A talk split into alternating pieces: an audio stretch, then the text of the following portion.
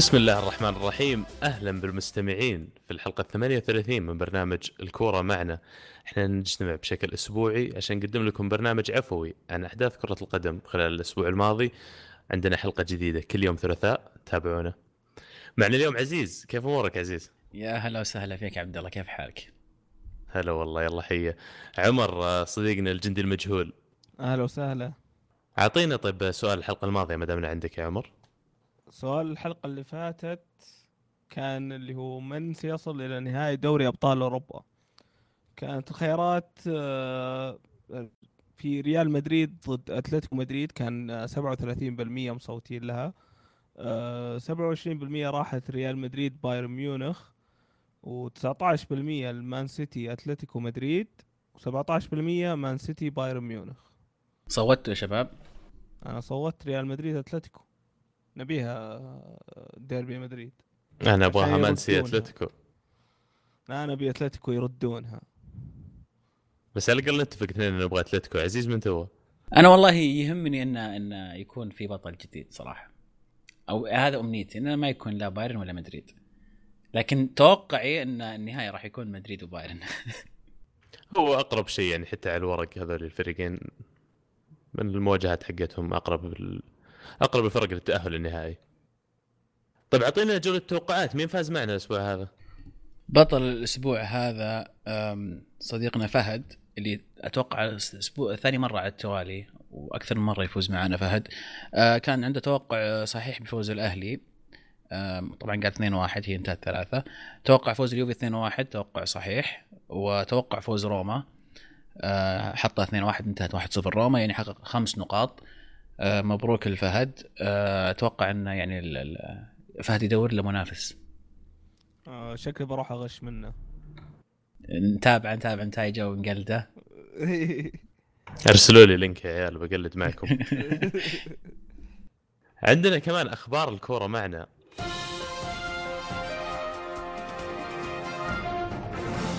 النادي الألماني فولفسبورغ يلغي عقد اللورد نيكلاس بنتنر يقولون طبعا إنه ما كان منضبط معاهم في التمرينات وله فترة تقريبا من فبراير ما لعب معهم أي مباراة ومنعوه من التمرينات بعد ما كان يتأخر عنها. ويقولون إن نومه دائما تهج معه النوم.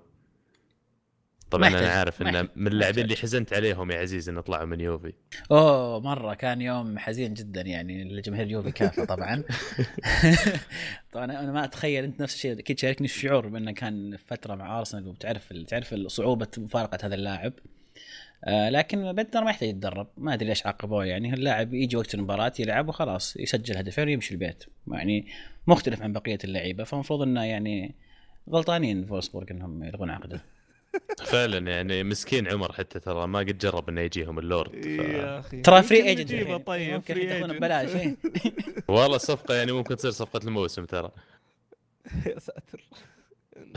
نوقع معاه الموسم عشان ثلاث مباريات اللي جاية بس عشان نحقها صح. ينفع لكم عاد مع اسلوب لعبكم الموسم الماضي؟ أوه شغل نظيف يعني. مامادو ساكو لاعب ليفربول آه، على وشك أنه يتم إيقافه لمدة ست شهور على الأقل بعدين لقوا عينة آه، عينة منشطات في العينه المأخوذة منه. آه، يقولون إن ليفربول أعلنوا مبدئيا تضامنهم مع اللاعب وإنهم بيطلبون فحص العينه باء على أساس يتأكدون انه هل فعلا اللاعب متعاطي شيء. طبعا نتذكر كولو توري أول كان نفس الفكرة. ما أدري اللي سمعت أنا إن إن ما أدري هو هاي التصريفه المعتادة ولا لا لكن يقول إنه حبوب حمية تنحيف يعني وفيها مادة محظورة. يعني عشان كذا أقول لك زي تصريفة كولو توري توري لأن نفس هذه. الفكرة. إيه. إيه. عشان كذا خمه بعد ال- الهدف. يقول شكرا على الدرج.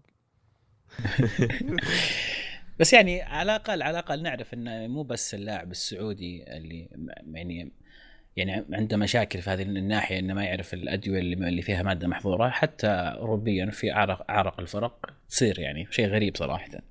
تتوقع إن فريق زي ليفربول المفروض يكون فيه يعني وعي أكثر أو أكبر من هذه الناحية وإنه يعلمون اللعيبة على الأشياء هذه والأدوية الممنوعة؟ طبعا إحنا ما نستبق الأحداث يمكن العينه باء تكون مختلفة لكن هو واضح إن ليفربول آه، ما أعلنوا إن يعتقدون اللاعب بريء لكن طلبوا فحص عينة باء فزي ما قلت نشوف ننتظر ونشوف. الدوري الإنجليزي يعلن جائزة أفضل لاعب لهذا العام وفاز فيها ولدنا العربي رياض محرز. أول لاعب أفريقي وعربي يفوز بالجائزة يعني فخر كبير لنا كلنا. يستاهل. فعلا. ما أشوف آه، في أي لاعب يساهم أكثر منه رياض محرز آه، على كمية الأسيست وال- والأهداف. يعني مشاركته في أهداف آه، ليستر المؤثرة بالتحديد وعلى موسم ليستر ال- الأسطوري اللي قاعد يسوونه آه، يستاهل رياض محرز طبعا مسجل 17 جول و11 أسيست. يعني رقم فلكي بالنسبة للاعب أو يلعب في فريق زي ليستر يعني. وما كانوا مرشحين إنهم يسوون أي شيء. وجايب 400 ألف pound من أرخص اللاعبين اللي قد فازوا بالجائزة لو بتنظر لها الانتقالات بس يستاهل. وصغير ما زال صغير. نشوف في الصيف وش بيصير الله يستر. المفروض إنه يجلس أنا أشعر الموسم زيادة على الأقل يشوف ال Champions إيش يصير مع ليستر لأن صارت لهم الحين الفصل الأول من هذه القصة قريب بينتهي. نبغى نشوف الفصل الثاني إيش يسوون في الشامبيونز. بس الفلوس ترى انت عارف يعني الفلوس تغير نفوس. بس بيجيهم فلوس. لا هو كراتب يعني. أكيد بيرفعون راتبه على اللي على اللي صار. يعني أنت بطل الدوري و وال- واللاعب نفسه أخذ جائزة أفضل لاعب آه، ما بين يعني لعيبة اللي صوتوا له. فغباء من ليستر لما يرفعون راتبه. لا أكيد في أكيد تجديد آه، تجديد العقد بيكون في زيادة راتب. لكن يبقى ال- ال- السؤال كم الزيادة مقارنة بالعروض اللي بتجيه؟ صحيح. ولا ننسى أن في ال Premier League الآن البطل يجي حول ال 60 مليون pound ابتداء من نهاية الموسم هذا و... وكذلك إنك تأهل Champions لها تقريبا 20 أو 25 مليون pound فوقها فبيجيهم مبلغ كويس يقدرون يجددون مع لاعبينهم المهمين ويعطونهم رواتب إذا ما كانت توازي العروض الثانية بس ممكن تخليهم يقعدون سنة أو سنتين زيادة. صح صحيح كمان على هامش اختيار أفضل لاعب في البطولة آه يعينون طبعا ال- اللاعبين حقين الدوري كلهم يصوتون ويعينون فريق الموسم بالنسبة لهم. فالموسم هذا هاري كين وجيمي فاردي في الهجوم محرز ديلي ألي وكانتي وبايي أربع لاعبين في الوسط بيليرين ألدرفيرلد ومورغان وروز في الدفاع ودي خيا كحارس. آه، أشعر يعني اختاروا تقريبا فعلا أفضل اللاعبين لكن يا ليت ال squad هذا يكفي 13 أو 14 لاعب لأن في لاعبين كانوا يستاهلون. يعني عطنا أكثر. لاعب أكثر لاعب ممكن يعني اللي يكون النقاش حوله اللي هو اوزل أعتقد إن هذه التشكيلة هي أفضل تشكيلة موجودة.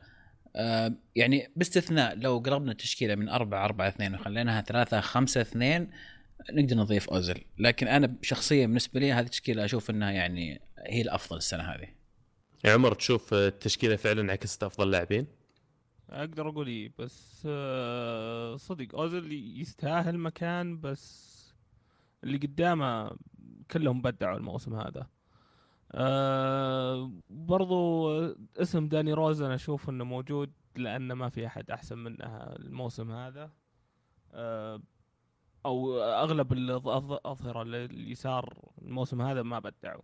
مع إنه فوكس كان مرة كويس مع ليستر. كان كويس بس آه، روز كان له يعني دور في ال- الهجوم أكثر. كان له صناعة أهداف و- وسجل بعد كم من هدف.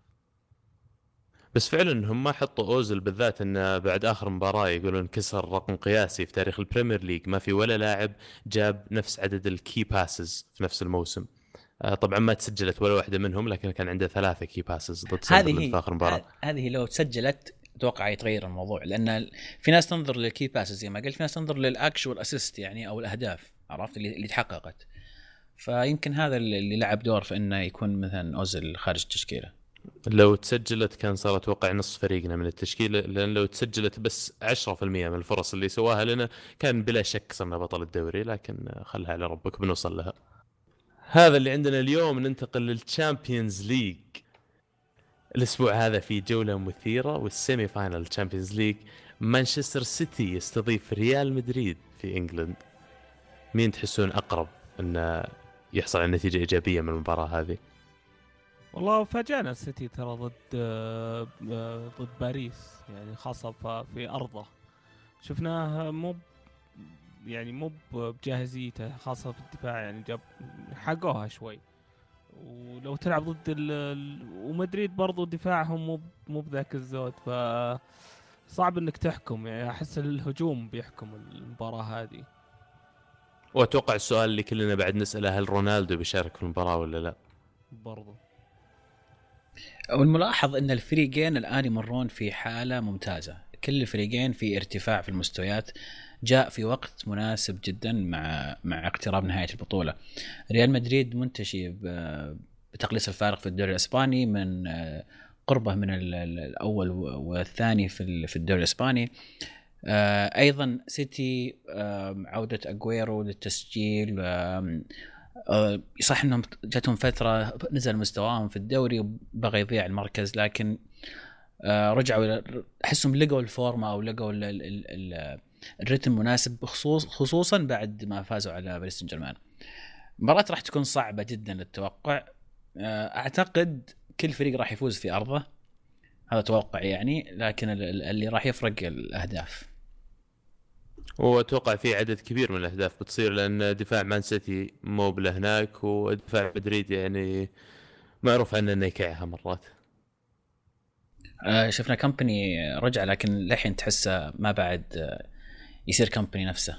نكب كم مرة في آخر مباراة ف مو مو مستوى المت- المتعودين عليه. اي بعد الاصابه مده طويلة غياب لكن يعني يمكن يمكن أخذ له راحة أسبوع ويكون جاهز. أتوقع المباراة بتكون حامية يعني مفتوحة. طبعا المباراة الثانية في ال semi-final بايرن ميونخ بيحل ضيف على أتلتيكو مدريد في مدريد. آه هذه أتصور أن كمعطيات المباراة راح يكون مستواها الفني أعلى من المباراة الأولى. لكن آه بيصير interesting نشوف كيف أتلتيكو يقدر يوقف بايرن بعد ما وقف برشلونة. تحس عندهم فرصة في المباراة يا عزيز أنا ببدأ منك لأنك كنت تشوف إنه غلط علينا أنا وألمو. ان نقول أتلتيكو الأقرب. طيب أنا ما قلت إن هذا لكن مشيها. أتلتيكو أنا أعتقد أتلتيكو آه راح يكون أصعب على بايرن من أي فريق واجه الموسم هذا. الحين أقولها وراح تكون موجودة. أنا أتوقع أتلتيكو يعني ممكن إنه ي... هو مشكلة أتلتيكو الوحيدة في المباراة هذه إنه يلعب المباراه الاولى في أرضه. يعني لو كانت المباراة الأولى في في ميونخ والإياب في أسبانيا أنا أقول لك أرشح أتلتيكو مدريد. مشكلة أتلتيكو الآن إنهم لازم يفوزون في أرضهم ويروحون هناك ويلعبون على نتيجة الذهاب. لكن نعم ممكن أقول لك المرة هذه إن إذا قلت لي أتلتيكو أقرب أتفق معك. لكن صعبة صعبة مرة مرة صعبة. آه بايرن ما هو بايرن ال- ال- المواسم الماضية. عانوا كثير أمام بنفيكا. عانوا أمام اليوفي. أتلتيكو يعني بقيادة سيميوني أعتقد ممكن يحرج البايرن كثيرا. كويس إنك بتتفق معي لما بقول لك فعلا أتلتيكو أقرب. أه تحس نفس كلام عزيز يا عمر إن أتلتيكو حاليا مرشح كبير إنه يوصل النهائي؟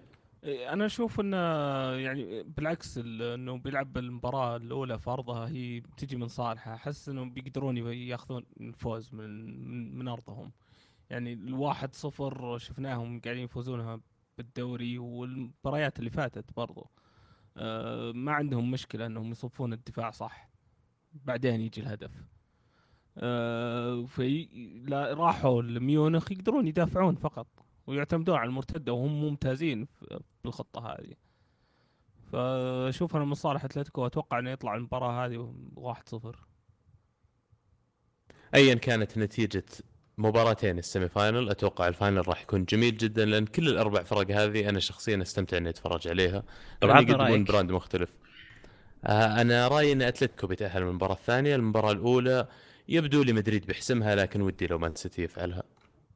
أنا ما زلت أعتقد يعني شوف أنا أقول لك مثلا أم، 60% مدريد 40% سيتي 51% بايرن 49 أتلتيكو.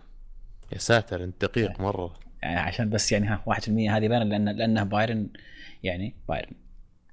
فجأة ممكن يشتغلون دوغلاس كوستا والشباب و... وينهون المباراه من الذهاب. عاد لزختوا منها أنتم. هذه هي لكن برضو في الإياب عانوا. فيعني يفاجئك البايرن ما ما تدري إيش ممكن يسوي. هو هو راح تكون ممتعة من ناحية التكتيك. يعني أنا راح أستمتع من ناحية كيف إن بيب راح يوظف لعيبته وكيف سيميوني راح يقفل ويلعب على المرتدات. ومو غريب على جارديولا الأسلوب هذا لأن سيميوني ك... لو ننظر له بس كاسلوب ولا ايديولوجي حق اللعب مو بعيد من مورينيو ترى. أو هو نسخة مختلفة من مورينيو خلينا نقول.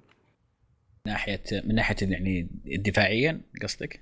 دفاعيا واللعب على المرتدة وتقفيل الفريق وإنه يعتمد على حماس اللاعبين بالمقام الأول إنه ما يدخل عليهم هدف. صح طريقة صف الخطوط تقريبا نفس الشيء يعني. آه، كالدفاع آه، والوسط آه، قريبين من بعض خاصة في المباريات الكبيرة.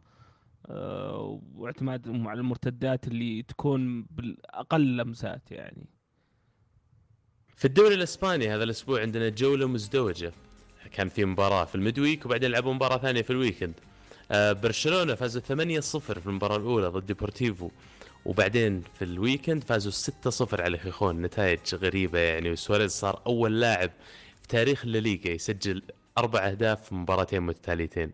لاعب فنان يعني فلكي. آه، شبينا على برشلونة الحلقة الماضية يا عزيز والحين يعني أتوقع السجال بيستمر.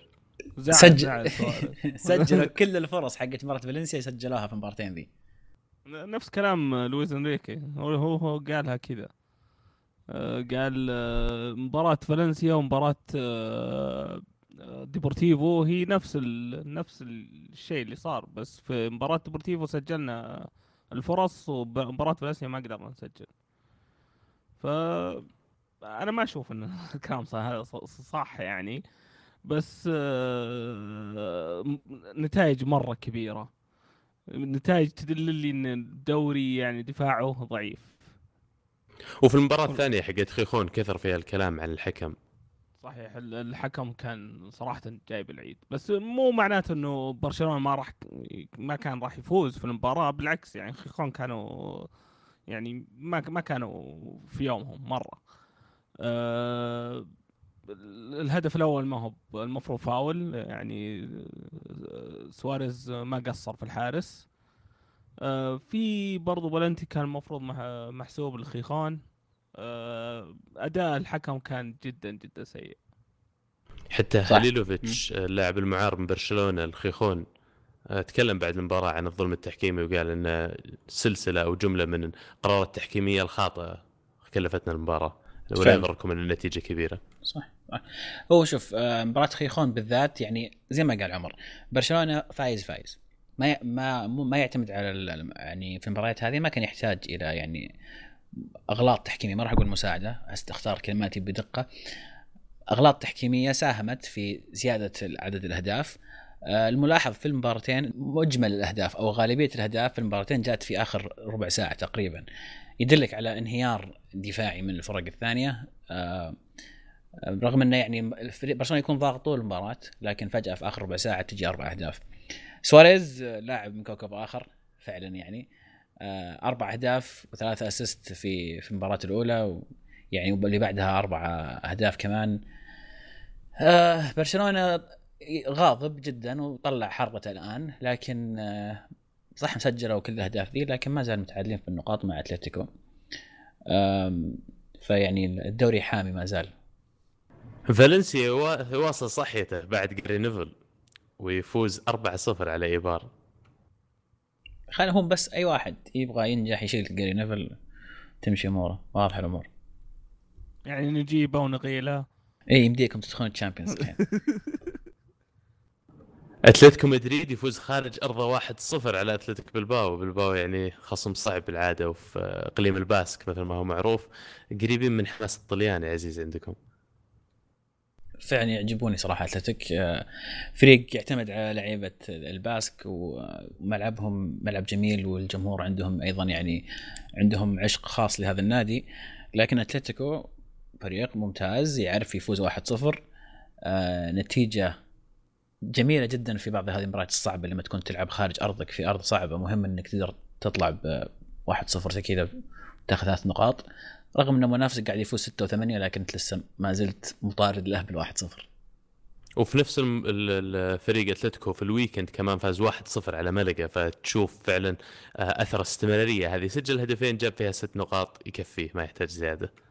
بالضبط بالضبط. آه، بس آه، المشكلة عندهم عندهم كراسكو شكله جته إصابة. ما أكدوا إلى الآن وش وضعها بس شفناه يطلع في الشوط الثاني. ريال مدريد يفوز 3-0 على فيا ريال وفي مباراة ال weekend فاز كمان 3-2 على رايو فاليكانو. في مباراة غريبة كانت تقدموا فاليكانو 2-0 في البداية وبيل كان موجود عشان ينقذ مدريد وياخذ تاج رونالدو مثل ما يقولون وياخذ مدريد إلى الفوز. آه، هل تشعر أن فعلا قادر على تعويض رونالدو في مباريات زي السيتي إذا جت مباريات أكبر في ال Champions League وإذا احتدم الدوري يا عمر؟ قصدك على بيل؟ اي أه أنا أشوف بيل آه، قد سواها مع توتنهام كان شايل الفريق وبالعكس كان أداء أفضل لأن الفريق يعتمد عليه. فأنا أشوف بيل إنك بتحرره إذا خليت رونالدو يطلع من الفريق. فهذه فرصته ما دام إنه رونالدو مصاب إنه يوريهم إنه يقدر يسوي اللي كان يسويه مع توتنهام. آه عزيز لو شفت المباراة ما أدري ولكن آه عدم وجود رونالدو خلاهم يلعبون بخيسي خلاهم يلعبون بخاميس وايسكو sorry بإيسكو وكوفاسيتش فشفت مدريد مختلف أكثر شوي. شفت مدريد يمسك الكوره أكثر. they passed around تروح الكوره على اليمين واليسار قبل ما يتقدمون فيها أو يعطونها رونالدو. يمكن لأن رونالدو يحب يمسك الكوره أكثر من غيره. هل تشعر أن style مدريد بالطريقة هذه أقوى من وجود رونالدو؟ ما أقدر أقول أقوى لكن مختلف صح. والاختلاف يجيب نتائج أيضا مختلفة أحيانا. آه طبعا ما حد ينكر أهمية رونالدو. وفي رأيي أن مع مدريد مع رونالدو دائما أقوى طبعا. آه لكن فعلا شفنا شفنا مدريد يظهر بصورة مختلفة شوي آه ممتعة. آه الكاريزما أنك تعود من تأخر 2-0 آه كانت خارج أرضك طبعا شيء ممتاز. يحسب لزيدان أيضا يحسب لبيل زي ما ذكر عمر أنه يعني ظهر بهذه الصورة المناسبه بالذات مع احتمالية غياب آه، رونالدو عن مباراة سيتي لكني ما أدري عن آخر الأخبار. اللي فهمت إنه كان مريحينه عشان يقدر يشارك أمام السيتي. لكن مدريد عندهم خيار كبير من اللعيبة يا عبد الله زي ما قلت في عندهم أكثر من لاعب ممكن يقوم بأدوار مهمة وأكثر من نجم الفريق مكون من نجوم. فإذا غاب نجم ولو كان بحجم رونالدو ما زال الفريق يظهر بصورة مناسبة ويقدر يجيب الفوز. طبعا جولة الأسبوع الجاي الفرق الكبيره ريال مدريد بيلعب مع سوسيداد خارج أرضه وريال بيتس بيستضيف برشلونة وكمان أتلتيكو مدريد راح يلعب مع رايو فالكانو. آه، وبعد مباريات الجولة هذه يصير برشلونة لا زال في المركز الأول بعد 35 مباراة ب 82 نقطة يعادله أتلتيكو مدريد لكن مع فرق كبير جدا فرق الأهداف ب 82 نقطة في المركز الثاني مدريد ثالث ب 81 فيا ريال رابع ب 61 ومعركة البقاء من تحت على الفرق المؤخرة. آه ليفانتي في المركز الأخير ب 29 نقطة فوق ختافي 32 نقطة تعادل في النقاط مع خيخون كمان 32 نقطة بفرق الأهداف. وغرناطة أقرب فريق إنه ممكن يهبط بدل واحد من الثلاثة هذول إذا شدوا حيلهم ب 33 نقطة في مركز 17 آه، شفنا أتلتيكو جاب برشلونة. هل تشوفون برشلونة ممكن يخسر نقاط خلال الجولات القادمة خصوصا إنه ما عنده Champions يعني مرتاحين اللاعبين وش المباراة الجاية برشلونة؟ آه باقي لهم مع إسبانيول وريال بيتس وغرناطة. دربي اثنين منها away. دربي إسبانيول يمكن هو اللي يعني قد يكون أصعب مباراة بين الثلاثة لكن بال form الحالي لبرشلونة صعب أشوف برشلونة يضيع الدوري خلاص. أعتقد إنه يعني يطلع من اذا تعادلوا بالنقاط الدوري لبرشلونة لأن المواجهات المباشرة. لكن راح يكون حماس إلى آخر الجوله في ال Premier League هذا الأسبوع كمان عندنا جولة مزدوجة وأنا وعمر أكيد والملو معنا بياكد الكلام. نعشق لما يصير السبت أحد اثنين ثلوث ربوع خميس في Premier League. ونبدأ بالنيوكاسل تعادل واحد واحد مع مانشستر سيتي. آه نيوكاسل بال look الجديد بعد رافا بينيتز كانوا زعلانين عليه الناس لكن رجع البيت ال Premier League وأنا أعرف يا عمر إنك ما تحب المدرب يعني فوش تشوف اثره على نيوكاسل؟ صراحة أنا ما ما أحب المدرب بس لا لازم أقول انه الرجال قاعد يسوي شغل ممتاز يعني على اللي سواه مع نيوكاسل الأسبوع اللي فات. أه طريقته بأنه خلى سيسوكو أو سيسوكو كابتن الفريق وجاء أعطاه يعني دفعة معنوية إنه يقدم شيء يعني غير اللي قاعد يقدمه طول الموسم هذا. سيسوكو هو صدق يعني اللي قاعد يشيل نيوكاسل حاليا وقاعد يساعد نيوكاسل إنه ما يهبط حاليا. تعادلوا ضد السيتي واحد واحد وتعادلوا ضد ليفربول و... و... يحسب هذا التعادل حق ليفربول آه، رافا بنيتز لأنه غير المباراة. طبعا الواحد يعني كانت هلب بتماجن لو كان رافا بينيتيز موجود من بداية الموسم مع نيوكاسل ناسبهم كثير و... وفي مباراتهم كمان في ال weekend لعبوا مع ليفربول وطلعوا بنقطة خارج أرضهم من الأنفيلد يعني إنجازات كبيرة جدا كانت أنا أشوف نيوكاسل وعلى أساس كذا كانوا يقولون الإدارة إنهم يترجون رافا بينيتيز الآن إنه يبقى معهم حتى لو هبط نيوكاسل هل تشوف في chance هذا يصير يا عزيز؟ والله شوف آه، كان عمر يتكلم قبل فترة آه، ان إن ما جاء بنيتز اللي هو متوقع إنه ممكن يهبط لكن آه، بعد تدريب مدريد هل يرضى رافا ان ينزل مع نيوكاسل لل Championship؟ أعتقد يعني أنا في وجهة نظري شخصية أحس إنه المفروض إنه يبقى معاهم لأن أنت جيت وقعت على مشروع. إذا أنت فشلت في إنك تنقذهم لكنك قدمت مستويات جميلة زي ما ذكرتوا المفروض إنك تبقى مع الفريق وتلعب معه في ال Championship وترجعه. يعني مغامرة جديدة المفروض تكون. إلا عاد إذا جاه عرض من فريق آخر يرى أنه يعني نسبيا أفضل في كلام ان فالنسيا ممكن يفاوضونه لكن أعتقد ان المفروض تبقى مع المشروع اللي أنت بديت فيه يعني. هذا إذا كان يشوفه كمشروع لكن بيبين معنا. ليفربول يفوز 4-0 في ديربي الميرسي سايد على إيفرتون ويواصل صحوته في المباريات الكبيرة مع كلوب. هل تشوف إنه كان عنصر فعال في تأثيره على أدائهم في هذه المباريات؟ زي ما قلنا يا عزيز؟ طبعا بكل تأكيد. كلوب آه، جاء في وسط الموسم ما جاء في بدايته. والتغير اللي شفناه في أداء لعيبة ليفربول وحماسهم زي ما يقول grinta ال grinta اللي حطها في في اللعيبة. آه، كلوب مدرب رائع وأتخيل بس انه إذا صار عنده صيف كامل وعنده ميزانية يشتري فيها لعيبة اللعيبه اللي يبيهم ويبدأ التنظيم من جديد مع الفريق. أعتقد إن المستقبل ممتاز جدا لليفربول. يبدو إنهم لقوا ضالتهم أخيرا في في مدرب ممتاز. آه، قدر يحط يعني صح إن ليفربول الآن نتائجه يعني on off زي ما يقولون يعني أحيانا أحيانا يفوزون أحيانا يخسرون. فوز مهم في في, في Merseyside derby طبعا لكن يعني قريب من المقاعد الأوروبية. آه، لكن عطوا عطوا كلوب صيف وميزانية وأعتقد الفريق راح يكون مخيف السنة الجاية. طبعا القطب الثاني في الديربي هذا روبرتو مارتينيز على وشك يقولون إنه ينقال من تدريب إيفرتون. هل تشوف إيفرتون قادرين يحصلون على مدرب أفضل من مارتينيز الفترة هذه يا عمر؟ والله أنا أشوف آه، مارتينيز يعني مدرب ممتاز بس الموسم هذا ما ما كان موسمه. آه، باركلي ما أعطانا نفس الموسم اللي فات. آه، لوكاكو كان كويس بس في يعني في فرص كانت ممكن يعني تجيب نقاط للفريق الموسم هذا بس ما ما أخذها. صراحة يبي لهم تجديد إيفرتون. مانشستر يونايتد يفوز 2-0 على كريستال بالاس في الأولد ترافورد وإذا فاز في المباراة الجاية بيكون على بعد نقطتين بس من المراكز المؤهله لل Champions League. فان خال بدا يلقى التوليفة يبدو لي أه هل تشوف إن الصيف هذا راح يكون مليء بالانتقالات بالنسبة لمانشستر يا عمر؟ ما ما أتوقع. أتوقع إنه بدأ يشوف الصغار اللي عنده بدأوا يعني يبدعون. آه، زي لينجارد زي مارتيال آه، آه، وبرضه شوف اكتشف يعني موهبة جديدة اللي هو راشفورد. فحرام تشتري الحين يوم اللعيبة اللي أنت وثقت فيهم. من بداية الموسم بدأوا يبدعون. عبد الله يظل السؤال بالنسبة يعني موجه لك أتوقع أصلا يبقى فانجال؟ يعني راح يكون لسه موجود في الصيف. هذا الانتقال الكبير يعني أتوقع. الانتقال الكبير راح يكون مدرب جديد أنا أتصور راح يخلون طريقة مان يونايتد راح يخلون فان خال لين آخر مباراة في الموسم. بعد آخر مباراة بيشوفون وين وين وضعهم. إذا طلعوا المركز الرابع أنا أتصور إنه راح يقعد موسم زيادة لأن حاليا في سوق الانتقالات ما في ذاك المدرب اللي يسوى. يمكن ينتظرون سيميوني يطلع يمكن ينتظرون واحد عليه الكلام يطلع ويبدو لي إنهم ما يبغون يحطون مورينيو بأي طريقة. ست نقاط في ثلاث مباريات عشان يصيرون الرابع. لازم الارسنال يخسر مبارتين يعني أو سيتي يخسر مبارتين. ليش؟ ما الحين هم عندهم مباراة مؤجلة باقي يونايتد لو فازوا فيها صح. يصير 62 نقطة. صح عندهم مباراة مؤجلة صحيح. على العموم راح نشوف الصيف وبيننا الوقت يعني.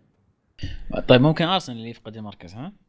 انتبه. ارسنال المباراة اللي بعدها فاز 2-0 على ويست بروميتش آه، طبعا المباراة الثانية اللي هي في ال weekend تعادلنا 0-0 مع سندرلاند.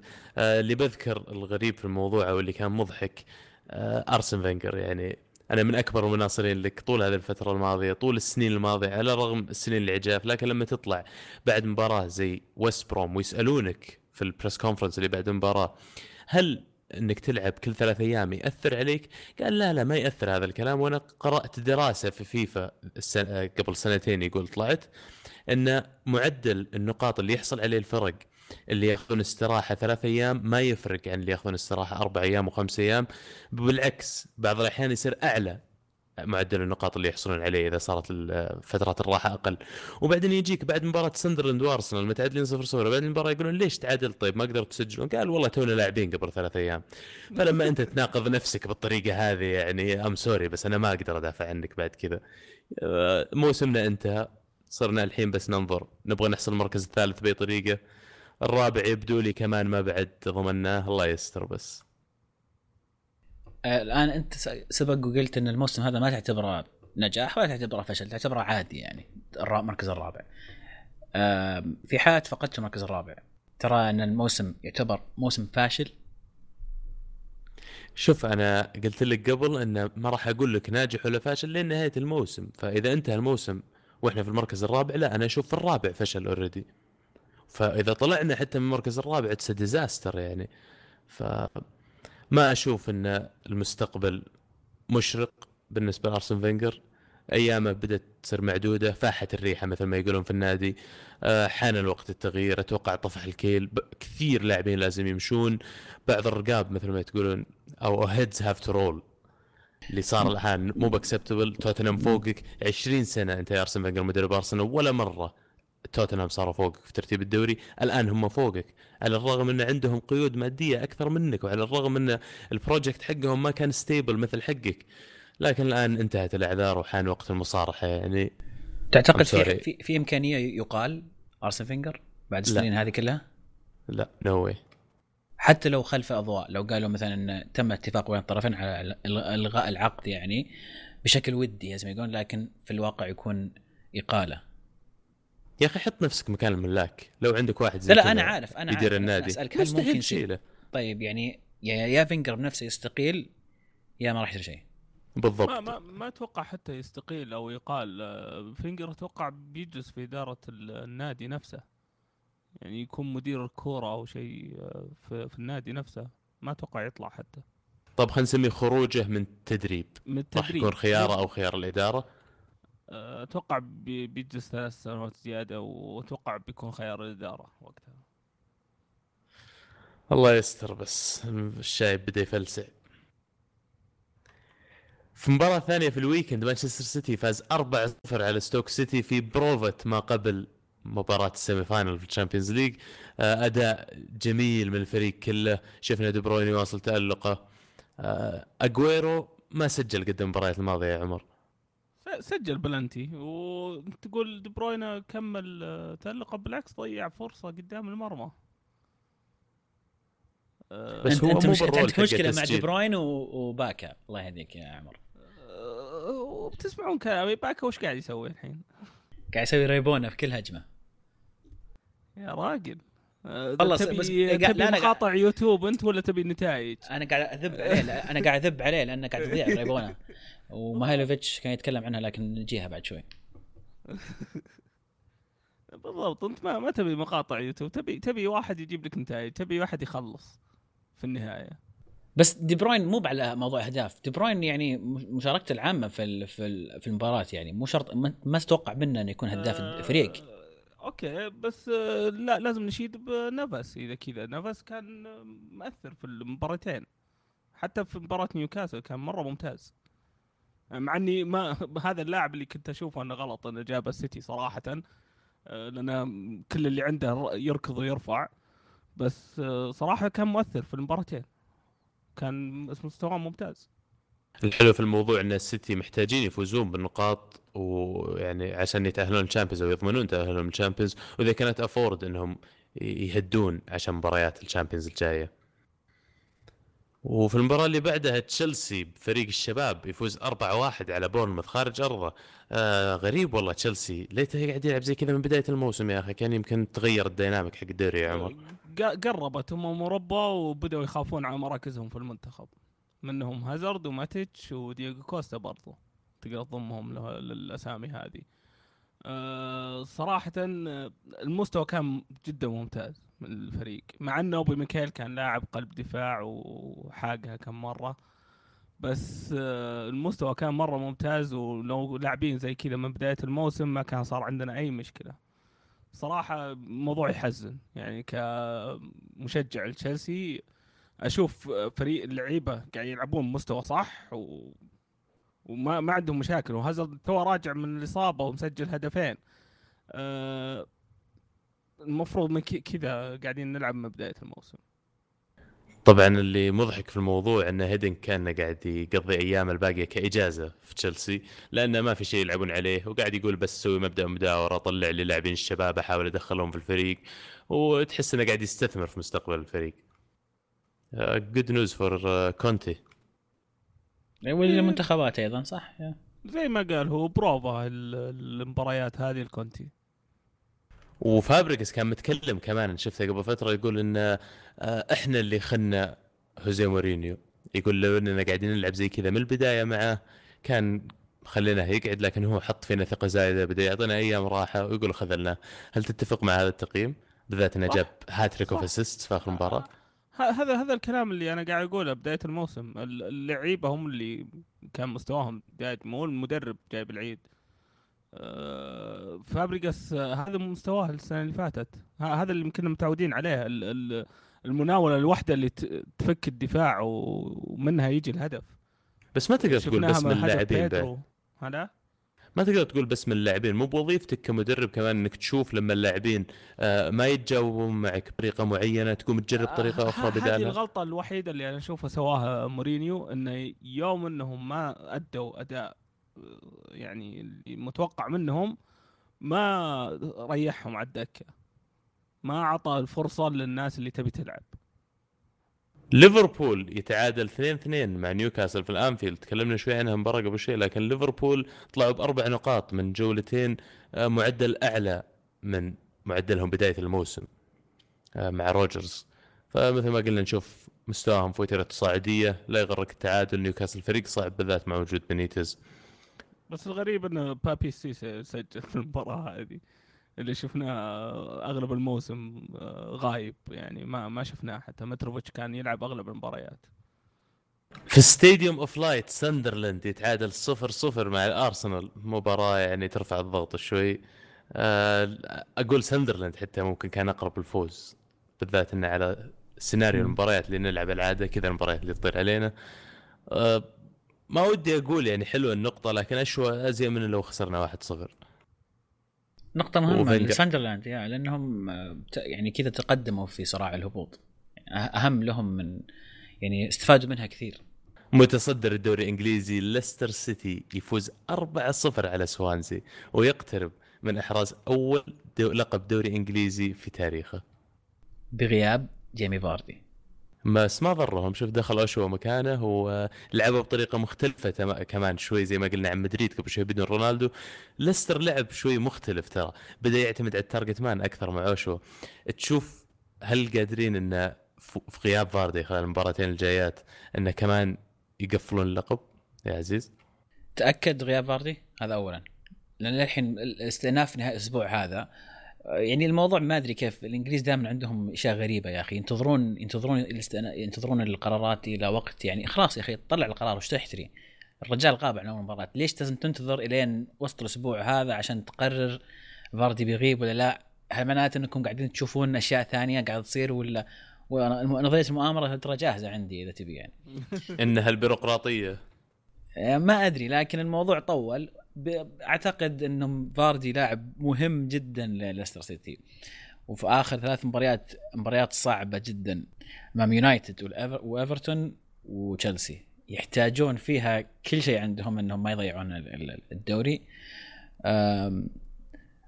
أخشى على ليستر الآن أكثر من أي وقت سبق بصراحه يعني. صراحة بالذات- المباراة هذه عجبني إنه أداء شلوب اللي ما ما كان من اللعيبة ال- الأساسيين كالعادة.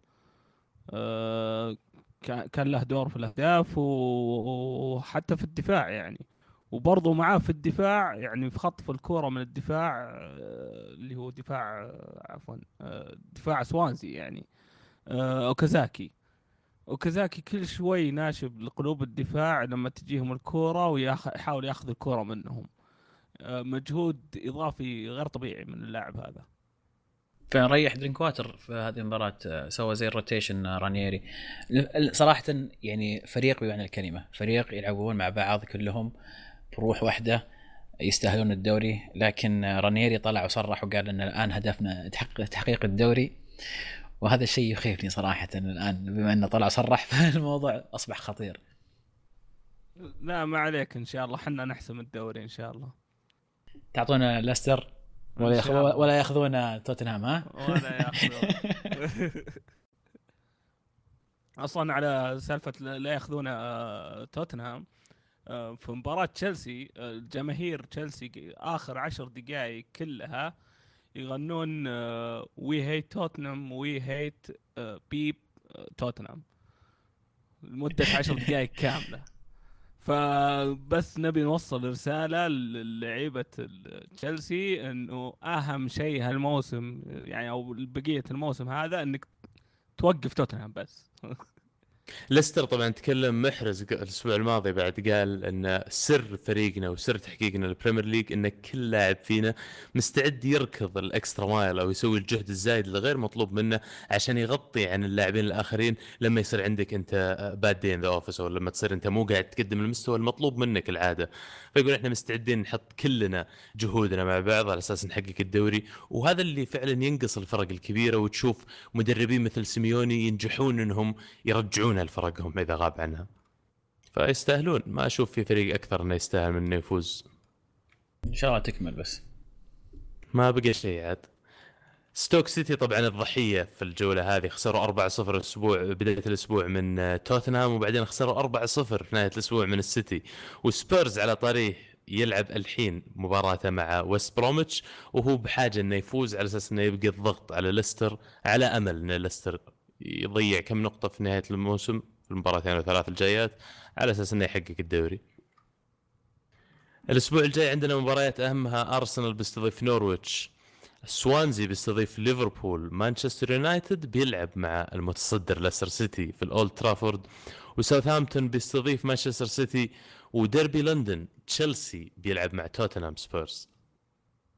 وبعد جو بعد الجولة هذه وبعد النتائج اللي ذكرناها ليستر لا يزال متصدر الترتيب ب 35 نقطة ب 35 مباراة ب 76 نقطة.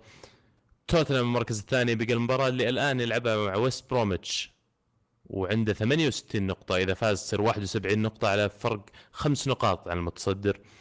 الثالث مان سيتي بعد 35 مباراة ب 64 نقطة. نفس النقاط مع أرسنال بفارق الأهداف متقدم عليه.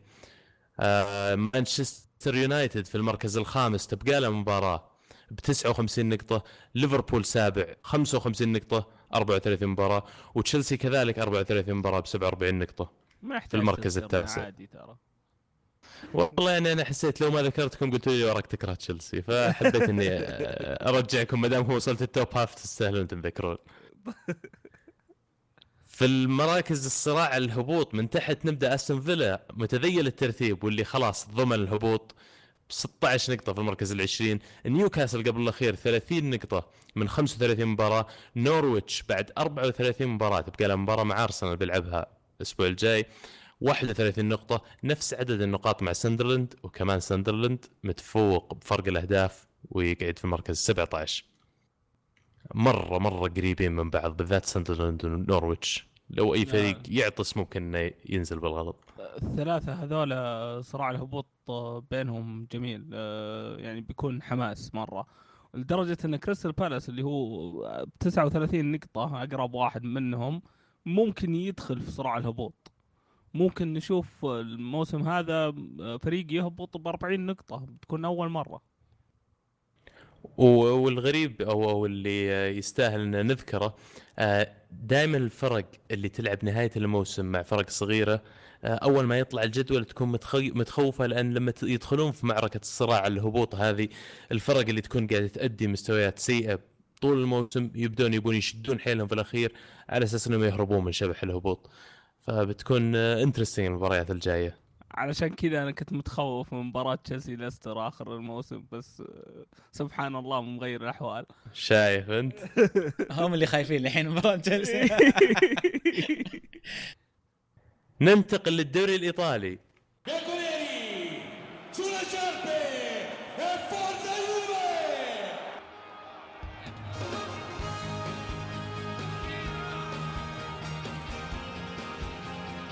ألف ألف مبروك. اليوفي يحسم لقب الدوري الإيطالي بعد تعثر نابولي أمام روما.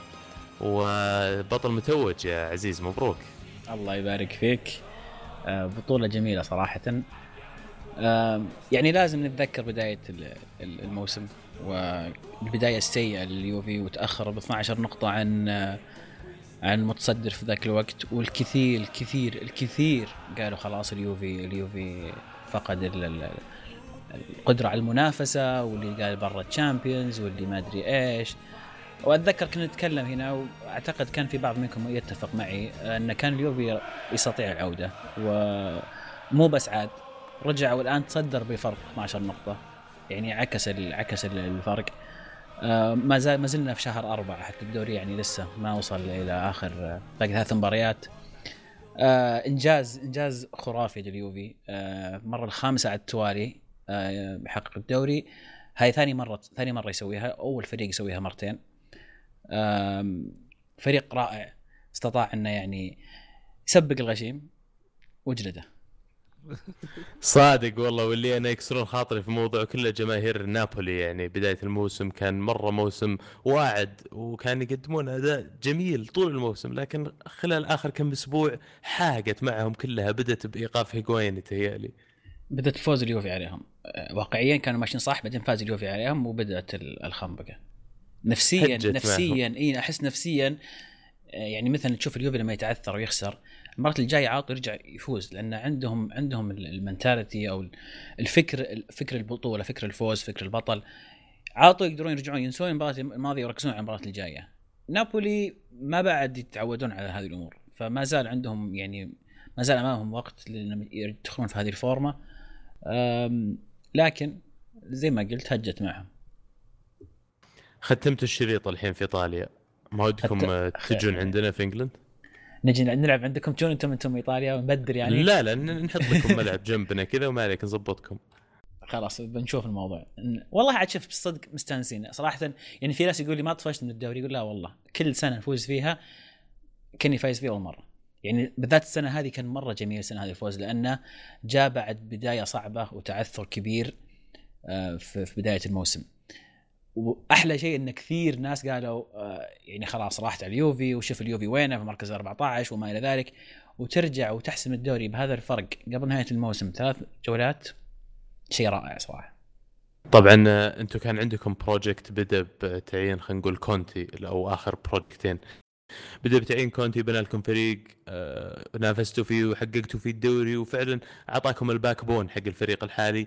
أضفتوا عليه وحطيتوا أليجري الحين.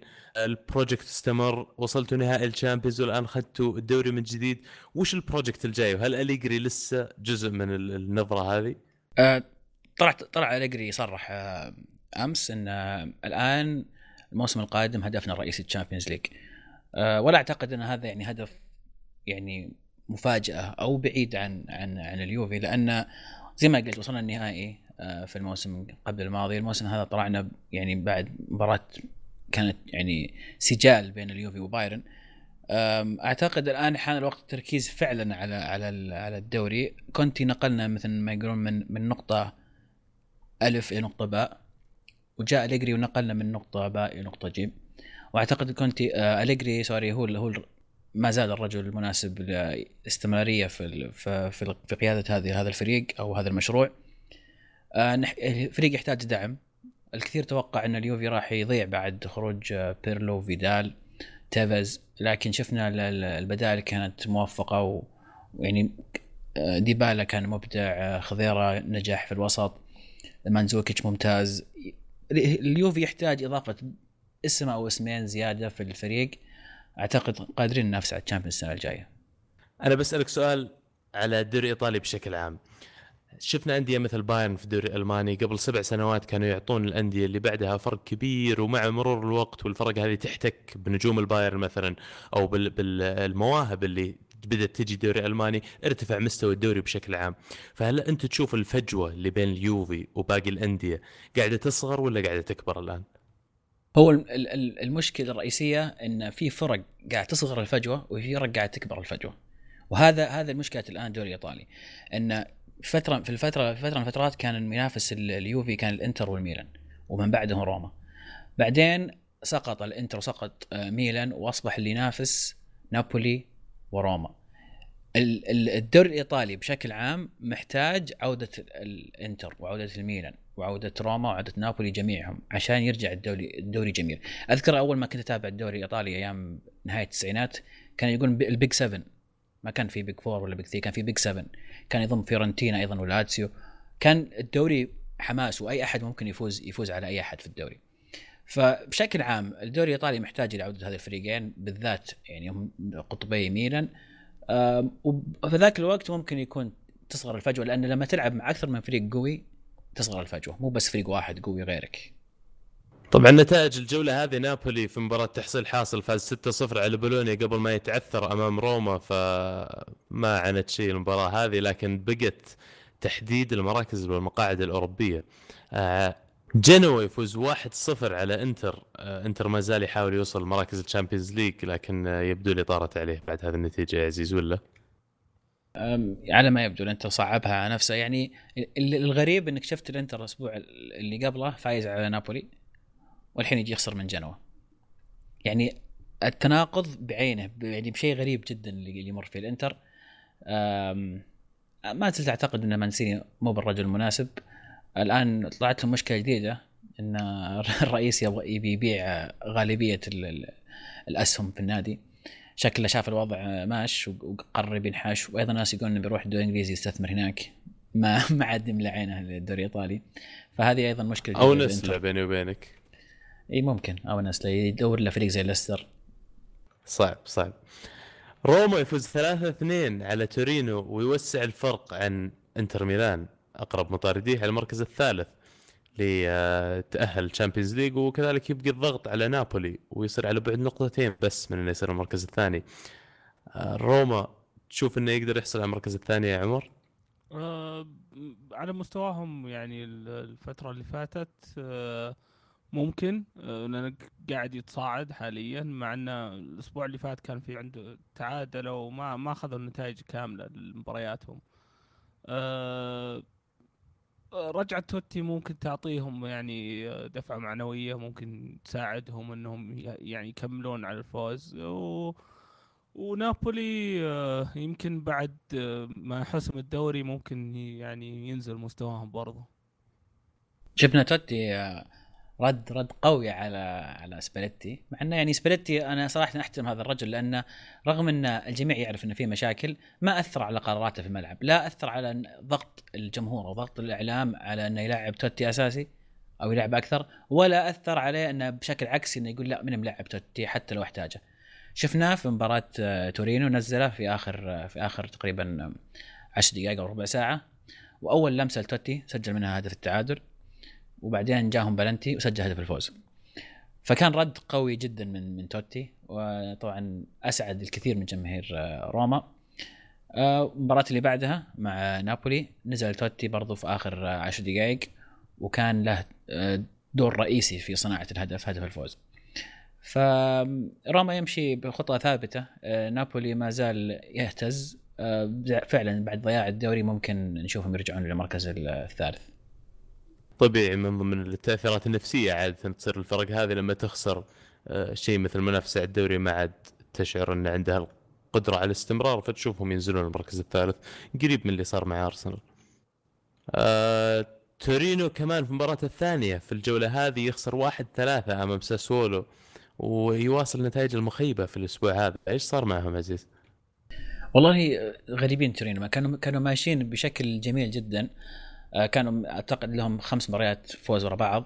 آه، بعدين فجأة خسروا من آه، من روما في مباراة المجنونة بعد كانوا متقدمين وخسروا من ساسولو لدرجة إنه يعني طلع المدرب وقال خلاص هذه غلطتي وأنا طبعا يمزح يقول أنا خلاص أنا بمشي بروح بروح أدرب يونايتد. شطح يعني عرفت اللي يعني مو مصدق اللي قاعد يصير. فجأة كان فريقه كويس وفجأة بدأ يخبط. فطبعا هذه اخر آخر الفترات لما يكون ما عندك هدف رئيسي تركز عليه أو تحققه آه، يتفاوت المستوى من مباراة لمباراة. وفي مباراة اللي حسم حسمت لكم الدوري فزتوا خارج أرضكم على فيورنتينا 2-1 مباراة مجنونة في آخر الدقائق صراحة. مباراة يعني غريبة. يعني كان فيورنتينا فريق ممتاز في المباراة هذه وكان يعني أقدر أقول يستحق التعادل بصراحة. كان عندهم هدف صحيح ألغي بداية التسلل كان يعني ها على وشك إنه يعني يكون تسلل اللي في بداية المباراة. أستغرب أنا أنا أذكر إني كنت قاعد أشوف المباراتين مباراة الأهلي بنتكلم عنها بعدين ومباراة آه، اليوفي قعدت أشوفها جاء هدف okay فيورنتينا فايزين 1-0 وحولت على المباراة الثانية شوي رجعت 0-0 وش السالفة؟ الموضوع. تسلل إيه، كان هدف تسلل لكن عوضهم الحكم في بلنتي في آخر الدقائق. بلنتي مضحك. طبعا مباراة دراماتيكيه كان اليوفي متقدم 1-0 بعدين فجأة جابوا التعادل فيورنتينا وبعدها بدقيقتين سجل اليوفي الهدف الثاني. وضغطوا فيورنتينا وجاهم بلنتي. شكله هم مبدأ التعويض أعطاهم بلنتي يعني لك عليه. في آخر الدقيقة أتوقع 88 يمكن دقيقة 88 آه وردها سوبرمان شارك معنا في مباراة سوبرمان كالعادة. ورد الهدف رد بلنتي وفاز اليوفي.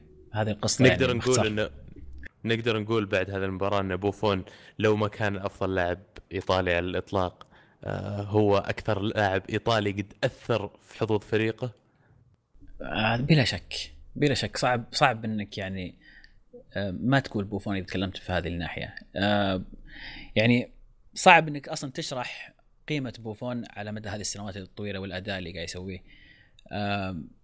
ما زلت مقتنع اقتناع تام إن هذا أفضل حارس في التاريخ. آه نحن محظو- محظوظين جدا إحنا عاصرنا هذا الحارس زي ما إحنا محظوظين عاصرنا لعيبه كبار أيضا. بوفون كل سنة عن سنة يرجع يرد إنه ناس شككوا فيه ناس قالوا كبر ما زال بوفون يرد في الملعب.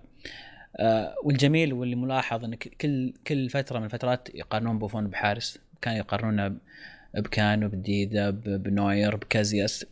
بوفون ثابت والبقية متغيرون. آه، شيء شيء شيء خرافي بوفون ما أعتقد إنه يتكرر في في زمننا لا في زمننا ولا في زمن غيرنا وما هو بس على اليوفي حتى المنتخب الإيطالي لاعب حصل على جميع البطولات يعني. واحد أكيد من أفضل اللاعبين على مدار التاريخ مو بس الحراس. إي سي ميلان يواصل كمان نتائج المخيبة للأمال ويخسر 2-1 أمام هيلس فيرونا. وما زالت ال rabonas مو قاعد تضبط معي تهيألي. والله مضحك الموضوع. وميهايلوفيتش يعني طلع مرة وقال لباكا قال له شوف تسوي ريبونا مرة ثانية من ملعبك. زعل من ده ما أدري يعني هو لهالدرجه هالدرجة رجل اليسار يعني سيئة. مو معقول انه كل فجأة في ريبونا ريبونا يعني يا ابن الحلال العب رجلك يسار قدام الباب. أنت وش اللي؟ ميلان كان متقدم وانقلبت عليه أمام أمام متذيل الترتيب. هيلاس فيرونا. اللي يعني اللي يعني لو خسر كان اليوم كان ضمن ال- ال- الهبوط. آه، أداء أداء مخيب جدا لميلان. آه، ما زال اللوم بشكل أساسي على بيرلسكوني وجهة نظري. والمخيب في الموضوع إنهم تعادلوا في المباراة الأولى في ال midweek 0-0 وخسروا في الثانية. وفي الواقع لو جمعوا فرق النقاط هذا اللي هو تقريبا خمس نقاط كان الآن هم على بعد نقطة واحدة بس من المراكز المؤهلة ل Europa League. وأمام أمام مين؟ أمام كاربي وهيلس فيرونا. يعني فرق فرق مؤخرة. فيعني يعني أصلا إقالة ميهالوفيتش ما كانت ما كانت في محلها. الوضع تخبيص في تخبيص فما ما بني على على تخبيص ففي النهاية راح يكون تخبيص طبعا. ويقولون ما زال الميلان يدفع راتب أربع مدربين إلى الآن. منهم فعلا، سيدورف إنزاجي و اللي توهم قالوا من ميهالوفيتش والآن ميهالوفيتش، ذكرنا بالضبط. الحلقة الماضية صح؟ وبعد الجولة هذه يصير كل الفرق لعبت 35 نقطة.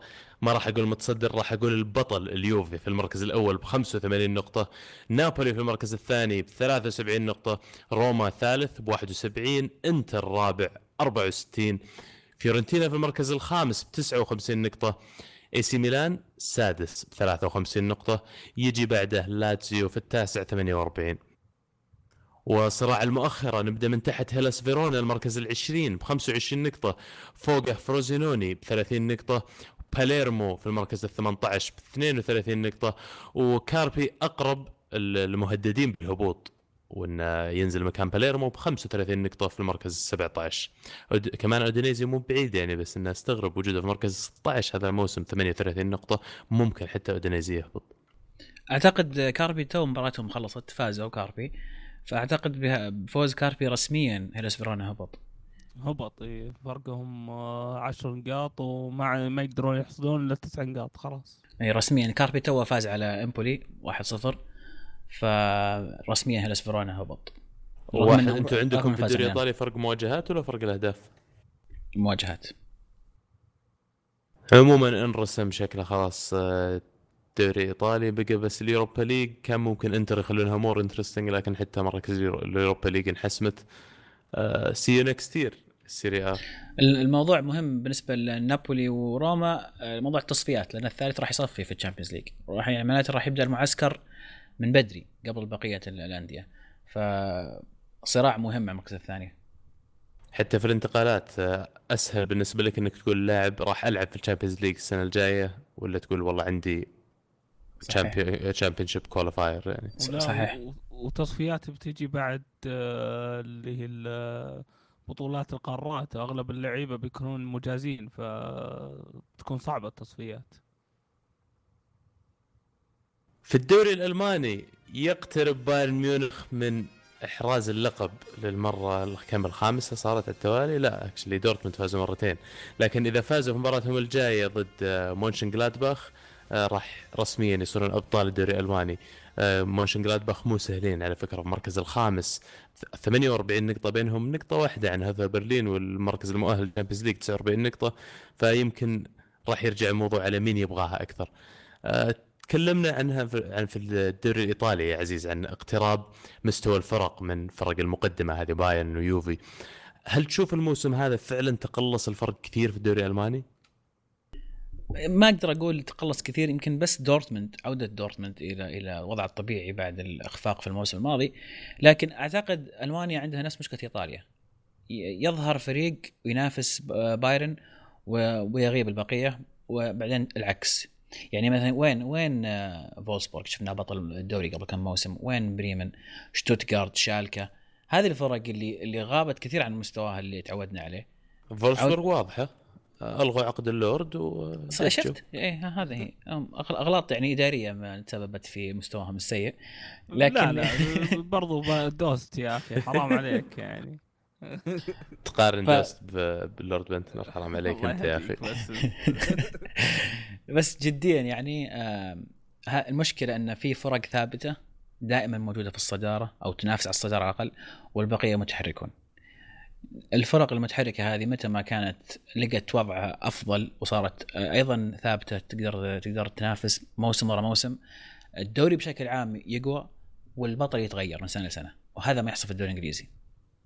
لا أتفق معاك بشكل كبير عزيز بالذات مو بالدوري الإنجليزي. أنا بقول الدوري الإسباني لو تذكر قبل خمس سنوات سبع سنوات ما كان أتلتيكو هو المنافس الأول برشلونة ومدريد. كنا نشوف فيريال يطلع كنا نشوف فالنسيا يطلع.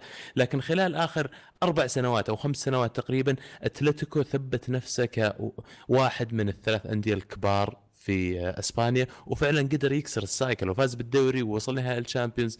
فأتفق معك على ثبات مستوى فريق و... و- واستعداد إنه يقعد في المركز الأول والثاني والثالث لفترات في الموسم. راح راح هو اللي يقرب منافسة في الدوري. صحيح صح. عمر طب أنت تشوف إن بايرن انخفض مستواه خلال الموسم هذا مقارنة بالمواسم اللي قبل؟ لا لا بس المنافسة صارت آه، أقوى شوي خلينا نقول في الدوري الألماني.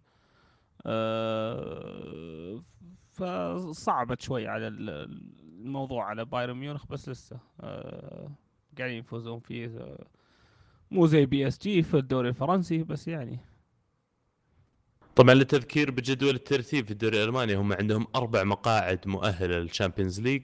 آه، الأول بايرن ميونخ بعد 31 مباراة ب 81 نقطة. الثاني دورتموند ب 74 نقطة. الثالث باير ليفركوزن ب 54 نقطة فرق 20 نقطة عن المركز الثاني. لكن لسه بيتأهلون اثنينهم ال Champions League مباشر. في المركز الرابع هرتا برلين ب 49 نقطة بعد خامس مونشن جلادباخ واقرب أقرب المنافسين على مركز ال Champions ب 48 نقطة. آه، الدوري الألماني يلعب من 34 مباراة وهو الآن لعبوا 31 جولة فبقى ثلاث مباريات. في الدوري السعودي دوري عبد اللطيف جميل.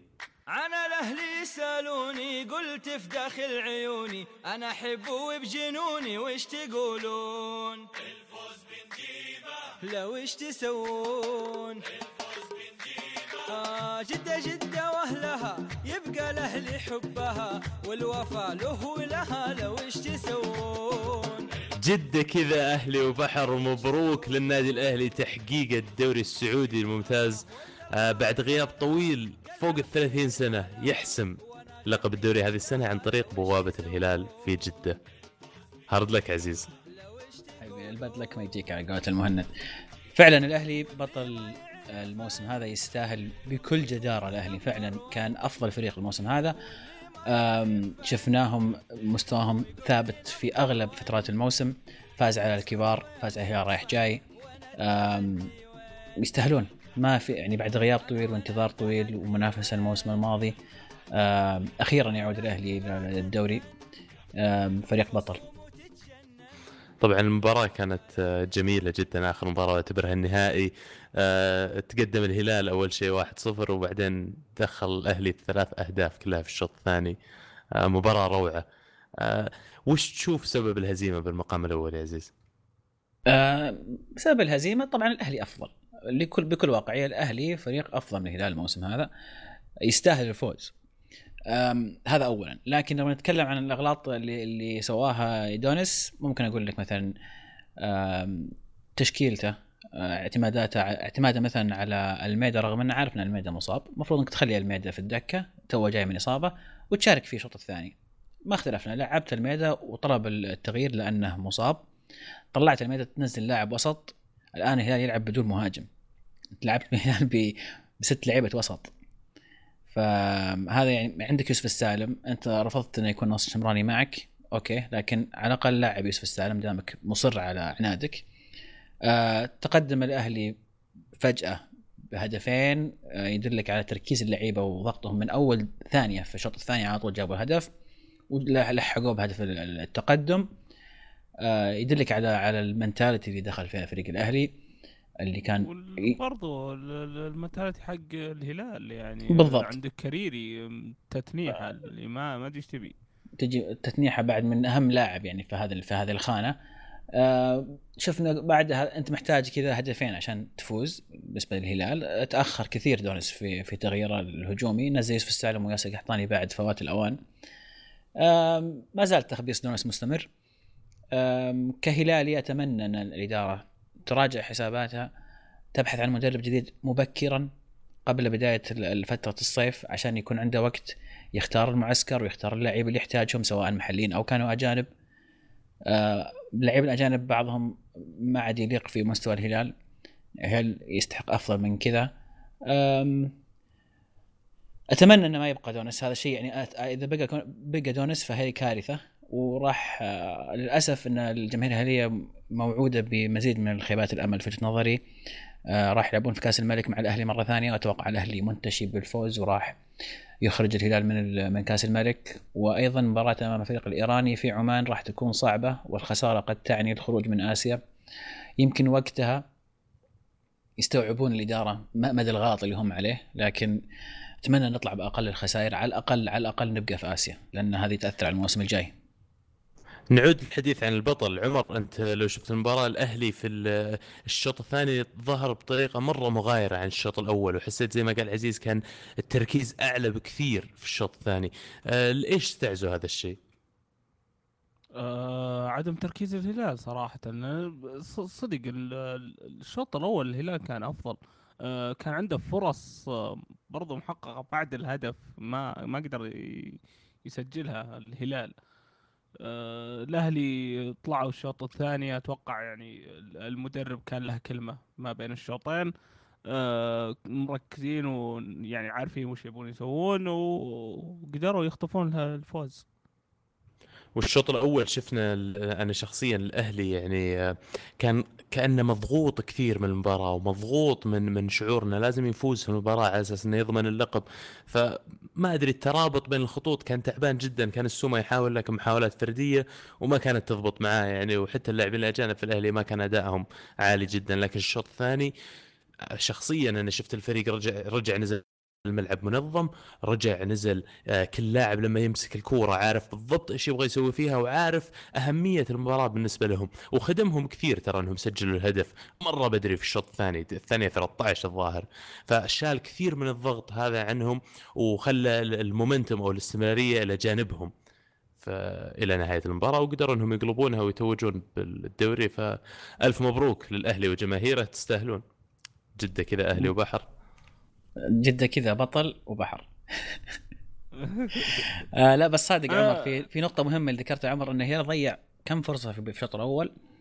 آه أعتقد لو سجل الهلال كان ممكن يعني يعني ممكن يتغير الوضع وتنتهي المباراة لكن آه اللي ما يسجل يستقبل. وحسين المقهوي ولدنا عاد ابو حسوه سجل هو اللي حسم لهم الدوري ترى. طيب. آه، أنا عندي بس تعليق آه، على اللي صار قبل المباراة صراحة. آه، طريقة تنظيم الناس كيف جالسين يدخلون الملعب. آه، أتوقع جاكم الفيديو اللي انتشر آه، قبل المباراة. آه، أتوقع إن إحنا وصلنا مرحله المفروض يكون عندنا ترتيب أفضل من كذا. آه، ما أتوقع إنها صعبة إنك تجيب آه، رجال أمن يرتبون ال- المقاعد. وإنك ما تبيع تذاكر أكثر من ال- ال- اللي يقدر يعني يشيله الملعب آه، الزحمة والحواق اللي قاعد يصير قدام الملعب والله شيء فشل صراحة. وزيادة على كذا آه، الاحتفالية والاشياء والزخرفة اللي قاعد يسوونها على مباراة دوري قبل المباراة. هذا من يعني راعي هذا الراعي هذا. بس. برضو المفروض ما تسوي كذا هذه مباراة زي أي مباراة دوري ثانية. المفروض ما تسوي كل هال ترى ترى يسوونها. يسوونها في مباريات ثانية. مباريات أحيانا يسوون يعني أشياء خاصة. هذه كلها ما لها علاقة بالاتحاد السعودي كرة القدم. هذه كلها من عبد اللطيف جميل. يعني في مباريات ال- الاتحاد النصر يسوونها أحيانا الاتحاد الأهلي يسوونها أحيانا. فهم يعني الاتحاد المفروض يفرض عليهم يقول لهم لا ما تسوون كذا. هذه هذه مباراة زي أي مباراة ثانية. هذه مباراة دوري. إذا كذا خلي الهجر والرائد سووا احتفاليات. آه، مو بعذر إنه هذا الأول والثاني بيلعبون ضد بعض. هذه مباراة زي أي مباراة ال business هذا ال business. هذا ال business تلاقيه في العقد. هذا المشكلة ال- ال- ال business دخل في الكورة بزيادة و... وصراحة هذا شيء يفشل صدق يفشل صرنا ما نركز على الكورة. أنت ذكرت نقاط مرة مهمة عمر فعلا أنا من الناس اللي عشان آه، قلة تنظيم في الملعب لأني أروح وما أضمن إن ال seat number مثلا بجلس بال ticket حقي ما أروح الملعب وأتوقع في ناس كثيرين زي كذا. آه، لكن بالنسبة للشيء الثاني يعني هو في الأخير كرة القدم as entertainment أو هي آه، وسيلة للترفيه عن المجتمع ف كونهم حطوا فعاليات ولا بهرجة مثلا قبل ولا بعد المباراة أنا أشوف ما يضر بالمباراة طالما أنها تبدأ في وقتها المحدد وتنتهي في الوقت المحدد فزي ما قال عزيز اتصور أنها موجودة في العقد لكن ما ما ما ما, ما أشعر أنها أخلت بالمباراة. في كأس الملك كمان جولة بقت آه، زي ما ذكر عزيز الهلال بيلعب ضد الأهلي والنصر بيلعب ضد الاتحاد في نصف نهائي كأس الملك ونشوف مين آه، يفوز بالكأس. م- الكأس مهم للنصر تحديدا لأن الطريقة الوحيدة اللي ممكن يشارك فيها في دوري الأبطال السنة الجاية هذا غير الكلام عن الجوائز المادية اللي تعتبر الأعلى في بطولات السعودية يعني. فأتوقع الفرق الأربعة كلها راح تحاول إنها تفوز فيه لأن ما هو بصعب كلها مباراتين أو ثلاث مباريات وتأخذ الكأس ومقابل آه، جوائز مجزية جدا. للتذكير بجدول ترتيب الدوري آه، الأهلي البطل في المركز الأول ب 57 نقطة آه، الهلال في المركز الثاني ب 51 نقطة الاتحاد يضمن تأهله كمان في دوري أبطال آسيا الموسم المقبل ب 49 نقطة فرق سبع نقاط عن أقرب أقرب المنافسين التعاون ب 42 نقطة. آه، في المركز السادس الشباب ب 35 والنصر ثامن ب 29 مبروك الأهلي. في ال Europa League عندنا جولة ال semi final كمان الأسبوع هذا في آه، تبدأ بشختار دونسك يستضيف إشبيليا وفياريال يستضيف ليفربول. آه، نشوف للسنة الظاهر الخامسه على التوالي ناديين من إسبانيا في ال semi final ال Europa League. هل تشعر يا عمر أن ارتفاع آه، مستوى فرق اللي تنافس خلينا نقول مدريد وبرشلونة في على المراكز آه، الخامسه والسادس تقترب شوي تفوز على بقية الدوري هي اللي ساهمت في وصولهم في ال Europa League إلى ال- ال- المراكز المتأخرة هذه؟ ممكن يكون جهد إضافي صراحة. آه، بس آه، عندك أشبيليا وفيريال آه، كلهم ترى مستوياتهم يعني طايحة المستوى ال- ال- المباريات اللي فاتت. أتوقع إن أغلبهم مركز على ال- ال- ال Europa League يحاول يفوز فيه عشان يتأهل لل Champions League لأنه صعبة يأخذها من الدوري. مين تشعر أقرب المرشحين الأربعة يا عزيز إنه يفوز بال Europa League؟ صعب إنك تقول فريق مرشح أكثر من إشبيليا. فريق متعود على البطولة متمرس في البطولة هذه لعبة البطولة هذه. آه، يبقى إشبيليا هو المرشح الأول في نظري مع منافسة من ليفربول. أفهم من كلامك أن هذا توقعك للنهائي؟ نعم أنا أتوقع ان إشبيليا ليفربول واشبيليا بالخبرة راح يفوز. شفنا ليفربول بحلة غير في ال Europa League مع يورجن كلوب يا عمر. آه، ممكن تتوقع عنده التوليفه المناسبه انه يسوي المفاجأة وياخذ ال Europa League ويتأهل عن طريقها لل Champions؟ هو يعتمد على المباراة هذه ال- الجاية الخميس. آه، كيف يسوون في إسبانيا؟ آه، لأن أتوقع في فرضهم يقدرون يفوزون ويتخطون فياريال بس آه، قلة الخبرة اللي في لعيبته اوروبيا ممكن تأثر عليه. أنا أحب أضيف أن لو السيتي طلع من المركز الرابع ونزل الخامس أو السادس مثلا وفاز بال Champions League وليفربول كمان فاز بال Europa League. فإن صاحب المركز الرابع في الدوري الإنجليزي بتروح عليه سواء هو مانيو ولا أرسنال ما راح يلعب في ال Champions الله يستر لأن ممنوع يلعب أكثر من خمس لاعبين خم- خمس فرق sorry من الدولة الواحدة في ال Champions League تتوقع يغيرون القانون السنة الجاية يخلونها ستة عادي؟ لو صار والله ما اتصور أنا- أنت صادق. إلا حسب حسب, الرابع. حسب من الرابع. نوصل لفقرة بطل وبصل. أشوف جنبك بصلة يا عزيز زايدة حقت مين هذه؟ المهند موصيني عليها صراحة. موصيني اوزع بصل وبطل عنه. المهند يقول بطله دي خيا اللي يعني فعلا يستاهل ال- ال- البطل الأسبوع هذا لأنه يقدم مستويات جميلة وأيضا يستاهل يكون من ضمن ال- ال Premier League وفك بلنتي في نصف نهائي الكاس. إيه مانشستر يونايتد طبعا ما ذكر إنه تأهل إلى نهائي ال- الكاس. فمبروك اليونايتد آه، رايحين ويمبلي. آه، بصل المهند يهديه لحكم برشلونة وخيخون اللي فعلا حاق المباراة وأتفق معه تماما إنه يعني لم يحسن إدارة المباراة. قبل ما نتحرك من بطل ألمو أنا يا أخي الموسم هذا فعلا دهيا آه، ارتفع تقديري له بشكل كبير لدرجة إني أنا حاليا أحطه مع نوير. لو تسألني مين أفضل حارس في العالم بقول لك نوير ودهيا لأن اللي سواه دهيا مو قليل الموسم هذا ولا الموسم اللي قبل. ودائما استمرار آه، مستواه مستمر في تصاعد. على المواسم وحتى على المباريات. لو تشوف في أشياء يسويها ما في أي حارس ثاني في العالم قادر إنه يطلعها من المرمى. لكن مع كذا يستمر تألقه وأتوقع إنه بيرجع لأسبانيا في القريب العاجل. أنت عبد الله ناسي اسم آه، مرة كبير تكلمنا عنه الحلقة هذه. بوفون يا أبوي. يا أخي ما عندي شك لكن بوفون لما أجي أتكلم عنه أنا أحطه في مرتبة ال legends ليش؟ لأن أقيس مستواه زي ما قال عزيز خلال آخر 10 سنوات أو 15 سنة. صعب إني أختار موسم واحد لبوفون. فبوفون كان دائما استمرارية مستواه يخليني ما أستغرب اللي يسويه. لكن إذا بختار اللاعبين المتغيرين اللي حوله هم نوير ودهيا حاليا. مين بطلك وبصلك طيب يا عمر ما دامك ناوي تحرش؟ آه، بطل الأسبوع هذا آه، لازم نقول سواريز صراحة على الرقم الخرافي هذا اللي ثمان أهداف وثلاثة assist في مباراتين وفي أسبوع واحد آه، شيء خرافي. بصل الأسبوع أنا بالنسبة لي آه، لعيبة آه، تشيلسي اللي قاعدين يحاولون يبدعون عشان يلعبون في اوروبا قاهرك الموضوع أنت حاسس إنكم مرة- مرة مأجرينهم. غابين. مرة أجار الوضع. مرة. عزيز سحبنا بساط منك قبل شوي. اعطينا بطلك وبصلك. بطل الأسبوع بالنسبة لي فرانشيسكو توتي. آه رغم كل المشاكل اللي قاعد تصير آه ينزل ويغير وضع المباراة تماما من خسارة إلى فوز. ورجع نزل قدام نابولي مرة ثانية في المباراة اللي بعدها وقدر يكون سبب رئيسي في الهدف. آه لاعب أسطورة أسطورة روما. يستاهل يكون بطل الأسبوع هذا. بصل الأسبوع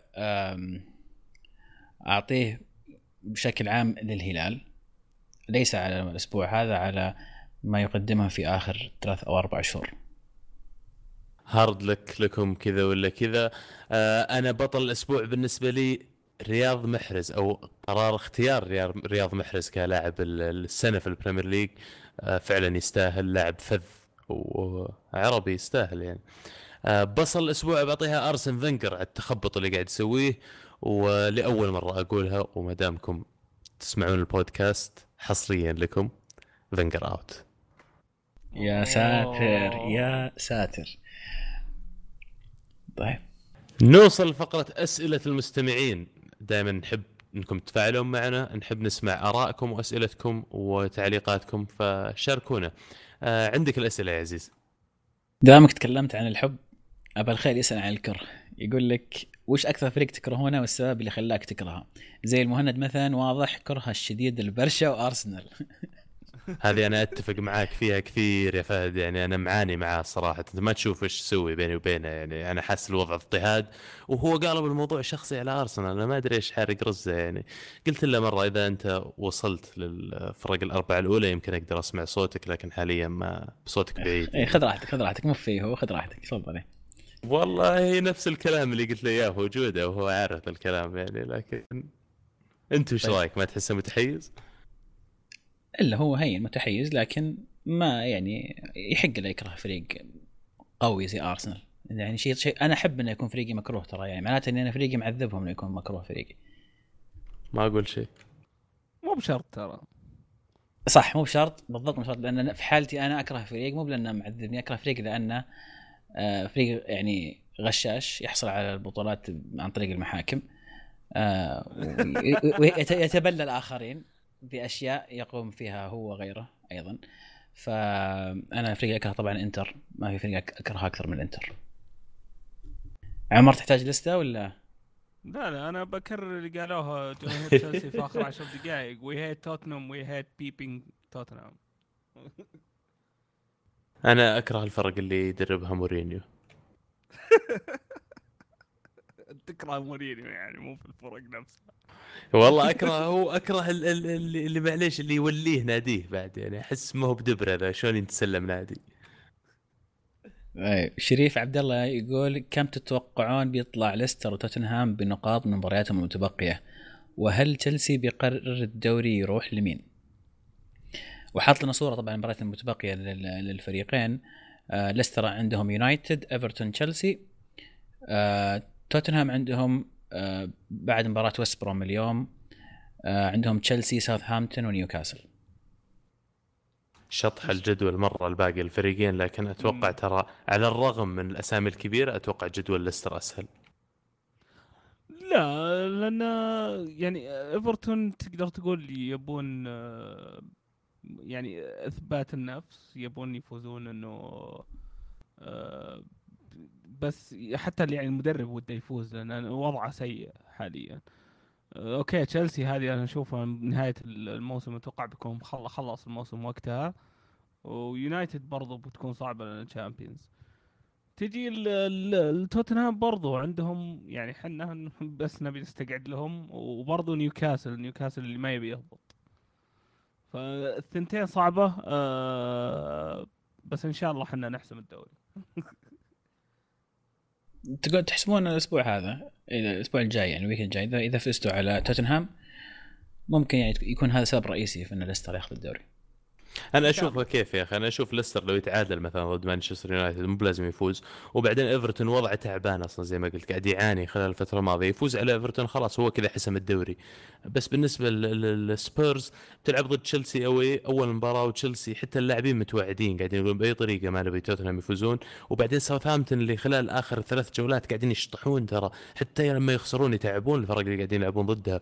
بدينا نشوف لاعبين مثل لونج وبيلي يرجعون يعني لل- للتسجيل وال assisting صح. آه، رجعة تادتش كمان راح تكون مرة مرة يعني آه، آه، خطيرة على سبيرز وكمان نيوكاسل برجعة رافائيل بينيتز الآن لل Premier League راح يكون الخصم مو سهل يعني على سبيرز ليستر يحتاج يتعادل في مباراتين ويفوز في واحدة صح؟ عشان يضمن الدوري إذا افترضنا إن توتنهام فاز في كل المباريات الجاية. إذا سبيرز كملت المباراة اللي الآن هم فايزين وخلصوها بثلاث نقاط يصير فرقهم وفرق ليستر خمس نقاط. وهي باقي ثلاث مباريات فإذا فاز ليستر آه، مضبوط يحتاج فوز وتعادلين. أو تعثر توتنهام. أو يفوز مرتين أو توتنهام يخسر بالضبط. نعم نعم. يلا تشيلسي تشيلسي عاد في ارض في, ارض تشيلسي ها؟ لا إن اوصيكم شاء الله إن شاء الله. آه أيضا شريف عبد الله يضيف يقول فريقين في عزهم تتمنى لو بينهم مباراة نهاية الأسبوع. آه، والله اليوفي وبرشلونة ودي يلعبون الحين. يعني عادة النهائي الشامبيونز السنة اللي فاتت. وال Champions League أنا أشوف إنه يعني حماس الفرق اللي فيه كلها فرق في مستواها يعني مستواها مرتفع. فايضا Champions League يعني قاعد يوفر لنا هذا هذا الشيء. أنا أستمتع أشوف بايرن في أفضل مستوياتهم وكمان دورتموند يا أخي الكرة الألمانية ما أدري إيش تج- تجذبني يعني كثير. زيد مولر يقول لاعب في فريق متمسك فيه المدرب مع إنه غبي لدرجة ودك يصاب عشان المدرب ما يلعبه. أنا بالنسبة لي برنات. يا أخي في وجود كوكبة من النجوم لما تقول لي تبغى برنات يلعب ولا الابا أكيد بقول أبغى الابا يلعب لكن برنات لاعب ممتاز يعني. واتوقع معظم الفرق في العالم مستعدة تاخذه بيلعب عندها أساسي. لاعب فعلا تكرهه ما ودك إنه يلعب. تعال شوف مثلا آه، الفرق اللي في اللاعبين الثانية زي فلاميني وتعرف ال- ال- العلل يعني. إيه لما يلعب لك كالو وبوسينجوا وقتها تعرف العلل. جيب برنات نبي ظهير أيسر. الموسم هذا الحمد لله يمكن أول مرة فريقنا يعني ما فيه لاعب مصر مدرب يلعبه وهو غبي. يعني كان في لاعب لكنه فقد بعض الغباء وأصبح يعني نقول افرج ما ما مو بذكي صار افرج اللي هو هرنانز لكن بقية اللعيبة ما أشوف انه في عندنا لاعب غبي الحمد لله السنة هذه يعني. عمر ولا كل فريقكم؟ كل فريقكم؟ ففريقنا ما ما أقدر أقول عنه شيء. أسهل إنه يختار اللاعبين اللي يبغاهم يلعبون آه. طيب في. سؤال آه في سؤال من علي الشهري آه يقول من هو فاكهة هذا الموسم؟ آه حاط خيارات. واحد فان خال. اثنين ليستر سيتي ثلاثة أرسن فينجر أربعة MSN خمسة أخرى. رانييري ما فيها كلام. أنا أقول فان خال صراحة امتعني هالموسم. مرة مرة مرة انبسطت عليه. ممكن أنا أتفق معك أن آه فان خال هو الفاكهة لكن ال- ال- المتعة ال- ال- الجميلة في في إنجلترا السنة هذه أو في كرة القدم بشكل عام قصة ليستر سيتي. شيء خرافي راح ينذكر لسنوات قادمة. dude رانييري dilly ding dilly dong يعني اثنين رانييري يعني. عجبني إن أخيرا أقتنع إنهم قاعدين يحاولون يفوزون بالدوري. أخيرا بعد يوم بقي ثلاث مباريات ومتصدر يقول okay الآن بنفكر في الدوري. يعطيك العافية يا كابتن. طلال يقول مبروك للأهلي يستحقون اللقب لأنهم تغلبوا على جميع الفرق الكبيرة في الدوري وننتظر نصف نهائي كأس الملك. هل بيكون رد من الهلال؟ أجاوب ولا تجاوبون؟ تفضل. ما أعتقد. الا إلا إذا كان الأهلي يعني فارط في الاحتفال ونسى يتدرب غير كذا ما أشوف إن الهلال قادر إنه يفوز على الأهلي. طيب أيضا يقول طلال رأيكم إن الأرسنال يلعب في ال Europa League إذا ما حقق الرابع كالعادة؟ هل بيكون أفضل له أم لا؟ لأنه ما يكون عليه ضغط زي ال Champions. بتكون مصيبة و disaster يعني لا ابدا دوامة إنك تدخل في ال Europa League. عدد مباريات ال Europa League أكبر من عدد مباريات ال Champions League. ويخلي جدولك مزحوم أكبر وما تقدر إنك تسحب على البطولة ما تلعب الاساسيين لأن في الاخير هي بطولة وتبغى تنافس عليها فأنا بستشهد مثال ليفربول مثلا دخلوا في دوامة الحين صعب إنهم يطلعون منها من تقريبا 2009 آخر مرة لعبوا أو 2010 وتلعب الخميس إيه تخيل نكد. نكد تلعب الخميس تتوقع يعني ال- في ضغط على ارسنال من ال Champions ليج؟ هل هو هذا سبب إن أرسنال دائما يحقق الرابع دائما يكون مركز على جهتين ولا عنده القدرة الكافية انه يركز على جهتين؟ أنا كمشجع كرة قدم أو ك...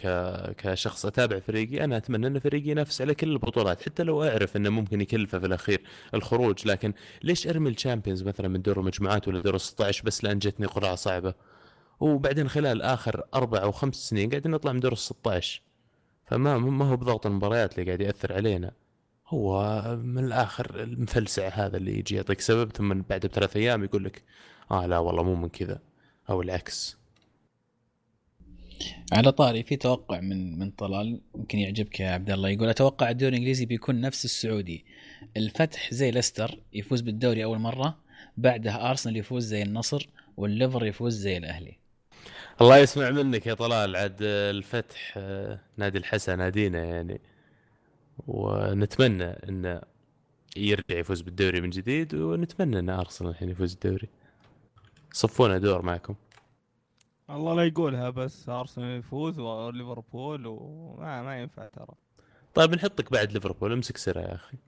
لا لا لا لا. يعني وش أجل اطلع منها من معطينك حليلكم ولا واحد فينا خلى ليستر ليستر يحتكر الدوري خمس سنوات قادمة. إيش فيك أنت؟ أوه تخيل. ورانييري يا حبيبي يصير معمر في ليستر. طيب آه أيضا في سؤال من آه الزوري هاكر يقول وش رأيكم بمستوى الزوري بالنصف الثاني من الموسم؟ والله آه عبد الله الزوري صراحة لاعب يعني واجه كثير من الانتقادات في خلال السنوات الماضية كثيرا ما يشبون عليه وأنا أحد الناس اللي يعني انتقدته كثير لكن آه، في المو... في النصف الثاني من الموسم بالتحديد زي ما قلت آه، كان له دور رئيسي في كثير من الهجمات الهلالية أو الأهداف الهلالية أو سواء اسيست أو تسجيل سجل كثير من الأهداف آه، اللاعب آه، تحسنت عرضياته آه، دفاعيا ممتاز يتقدم ممتاز آه، لكن المشكلة الوحيدة أن الهلال يمر في فترة سيئة فاللاعب حتى لو كان لاعب يقدم أداء ممتاز صعب إنه يبرز لأن الفريق بشكل عام مستواه نازل. فارس الفارس يقول هل يستمر التحكيم في مساعدة البرشا في مشواره للحصول على لقب الدوري؟ نبي تعليق خاص من دبي في هذا الموضوع بحكم التجارب السابقة.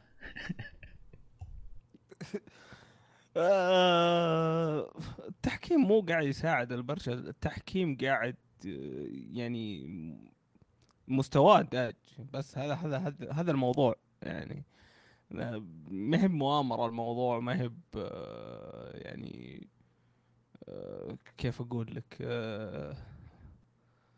ما هي كالتشو بولي خلينا نقول. آه، برشلونة كان يستاهل الفوز في النهاية يعني. آه، وقادر إنه يفوز بالدوري بدون ما التحكيم يساعده. بس آه، ما يمنع يعني التحكيم يساعد. أحمد يقول هذا السؤال لدبي بس ما يمنع أحد ثاني يجاوب. هل فوز تشيلسي على توتنهام راح يرضيك نسبيا على اللاعبين؟ إيش وضعك يا دبي. كل آه، يطلبك اليوم. آه بعد TG Expo صاروا يحبوني ما أدري. آه، فوز تشيلسي على توتنهام راح يرضيني بس ما راح يرضيني على اللعيبة. راح يرضيني كذا بس إنه يونسني شوي. حسنة وحيدة من موسم سيء يعني. بالضبط بالضبط. إنه بس آه، كالعادة آه، إحنا نجلس لتوتنهام ونخليهم يزعلون زيادة. طيب آه سوبر فرانك يقول ماذا تحتاج الأندية الإيطالية لتعود لسابق عهدها؟ وإيش يحتاج المنتخب الإنجليزي عشان يصير منتخب غير فاشل؟ هل السبب هو الدوري؟ إيش رأيكم أنا اجاوب نص أنتم تجاوبون نص؟ أنت جاوب طب كامل وبعدين بنتناقش وجهات النظر بالنسبة للأندية الإيطالية تعود سابق عهدها أعتقد آه، نحن في زمن المال المال مهم جدا وهو الشيء الرئيسي اللي يخليك تنافس. الأندية الإيطالية متأخرة كثير عن باقي عن الدوريات الأخرى بخصوص ال- ال- الإنكم أو الدخل. الملاعب الخاصة بال- بالأندية شفنا اليوفي بدأ الخطوة والآن شفنا أودينيزي وفي كم في كم نادي أيضا خلفهم. لكن هذا شيء مهم جدا لأنه مصدر رئيسي للدخل. آم، بالإضافة لأنه يعني الجمهور راح يجي الملعب تع- يعود الحماس. آه، أيضا عودة الفرق الكبيرة اللي الآن مستواها سيء مثل إنتر وميلان هذا أيضا راح يضيف زيادة لل- للكرة الإيطالية. في أكثر من من عنصر رئيسي يعني آه، محتاجينه في إيطاليا. آه، إيطاليا للأسف تمر في فترة سيئة ومحتاجين وقت. أنا for me أشوف إن need to strip it down to the basics ويرجعون للأساسيات في الموضوع. يعتمدون على العناصر الشابة أكثر يطبقون ال Financial Fair Play إلى إلى حذافيره يعني.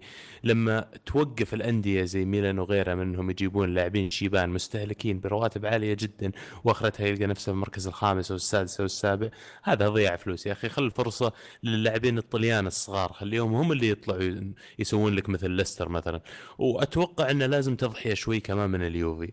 لأن إذا حطوا القوانين وال- والضوابط هذه اللي لازم آه، ترفع من مستوى المنافسة في الدوري الإيطالي أكبر المتضررين راح يكون اليوفي. ما في معلش المدى في المدى القصير يعني. أختلف معك ما في ضوابط متبعينها واليوفي ما تتبع ضوابط الفيفا لأن اليوفي شارك في ال Champions League والأنظمة تنطبق على الجميع مو على مو على دوري معين بحد ذاته.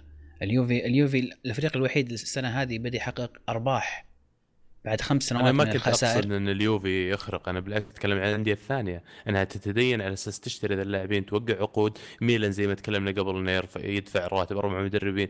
إيش إيش البزوطه هذه يعني؟ اي الإدارة سيئة. الفرق تقاد بإدارات سيئة. مو بس الميلان ولا بس الإنتر حتى حتى قيادة آه، لاتسيو آه، روما آه، في أك... باليرمو. باليرمو المضحك يعني القيادة. في أكثر من نادي يقادون ك سامحوني على الكلمة بس كانوا يعني بقالة مو مو بنادي عرفت؟ يعني يتعاملون مع الموضوع كأنه حلال أبوه وبطريقة يعني سيئة جدا يعني شل وحط وركب لا ما عجبنا. أشياء المفروض ما تكون في فرق عريقة أو أو دوري عريق زي الدوري الإيطالي للأسف يعني. أيضا إيش الفقرة الثانية من السؤال إيش يحتاج المنتخب الإنجليزي عشان يصير منتخب غير فاشل؟ على قولة آه، صاحبنا سوبر فرانكي. عمر تحب تجاوب ولا أجاوب؟ آه، okay ممكن أجاوب. آه، أقدر أقول لك آه، منتخب إنجلترا مشكلته إن ال- ال- اللعيبة لما يجتمعون في في معسكر ال- ال- المنتخب تشوف الشرساويه جالسين مع بعض والمانشستر اليونايتديه مع بعض والليفربوليه مع بعض. ما هي ما هو بوحدة يعني ما هو الفريق ما هو بوحدة. آه، يمكن يبي لهم قائد يعني يوحدهم ويقودهم الانتصارات وين روني ما أتوقع هذا هو اللاعب آه، وما أشوف أي لاعب ثاني ممكن ياخذ هذا الدور. بس خلال السنين الماضية شفنا كباتن منتخب إنجلترا يعني أساطير كباتن في أنديتهم. ومع كذا يروحون وتختلف يختلف الوضع في المنتخب وما يقدرون يقودونهم. فأنا أتصور إنك يعني أشرت على موضوع مهم. وهو الإيجوز خلينا نقول اللي موجودة في غرفة الملابس. كل لاعب ينظر إنه هو البطل وهو أهم لاعب في الفريق. لكن في الواقع كرة القدم هي مثل اللي يسوون اللاعبين ليستر التواضع وأنا مستعد أركض الكيلو عن خويي. وهذا يغيب في المنتخب الإنجليزي بالإضافة إلى عدد المباريات الكبير جدا اللي يلعبونه في الموسم في بريك في الشتاء يجيك نهاية الموسم تافل العافيه المسكين الإنجليزي. بالذات إنهم كلهم يلعبون في إنجلند ما تلقى لهم حضور برا. England في الدول الثانية عشان تشوف فعلا التأثير هذا. آه، يوسف الحربي يقول مبروك يا عزيز scudetto قدم الغشيم واجلده. آه، سؤالي هل يجب على إدارة اليوفي وضع ال Champions League كهدف أساسي الموسم القادم؟ الله يبارك فيك أخوي يوسف. آه، أتوقع زي ما ذكرنا في الحلقة في ال- في الحلقة أن نعم اليوفي الآن هدفهم أصبح ال Champions League هو الهدف الأساسي الموسم القادم. لكن يجب التركيز أن الدوري ما يروح لأن مهما كان الدوري مهم آه، لازم يكون التركيز مزدوج على ال Champions League والدوري لكن أكيد في تركيز أكبر على ال Champions League السنة الجاية. آم، عبد الرحمن يقول التعزيزات اللي تريدونها في الصيف وهل يجب ملف شائك وهل السؤال الثاني يقول هل يجب إحلال فريق الهلال من اللاعبين المحليين والأجانب؟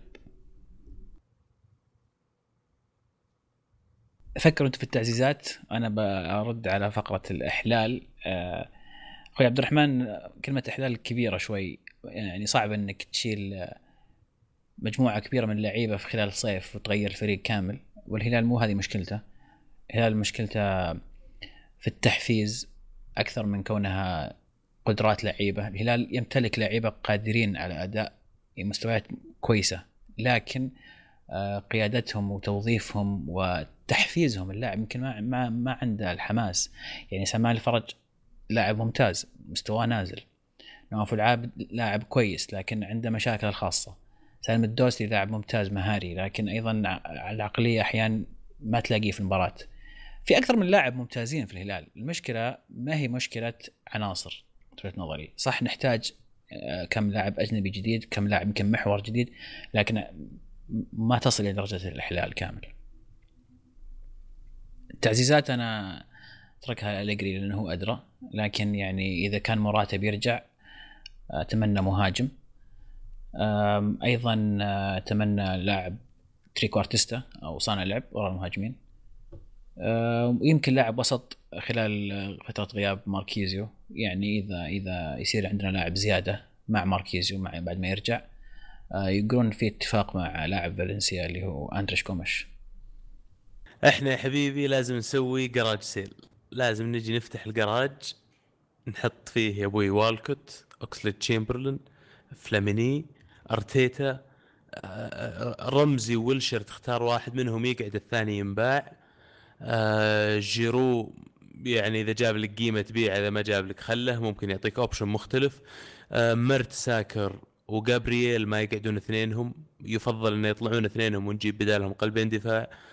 آه، إلين نسوي هذا كله ونجيب راس حربة على مستوى عالي ونجيب ممكن لاعب طرف زيادة على مستوى عالي ولاعبين وسط ولاعبين دفاع ما راح نقدر ننافس كبار أوروبا ما راح نقدر ننافس بعد المركز الرابع والثالث.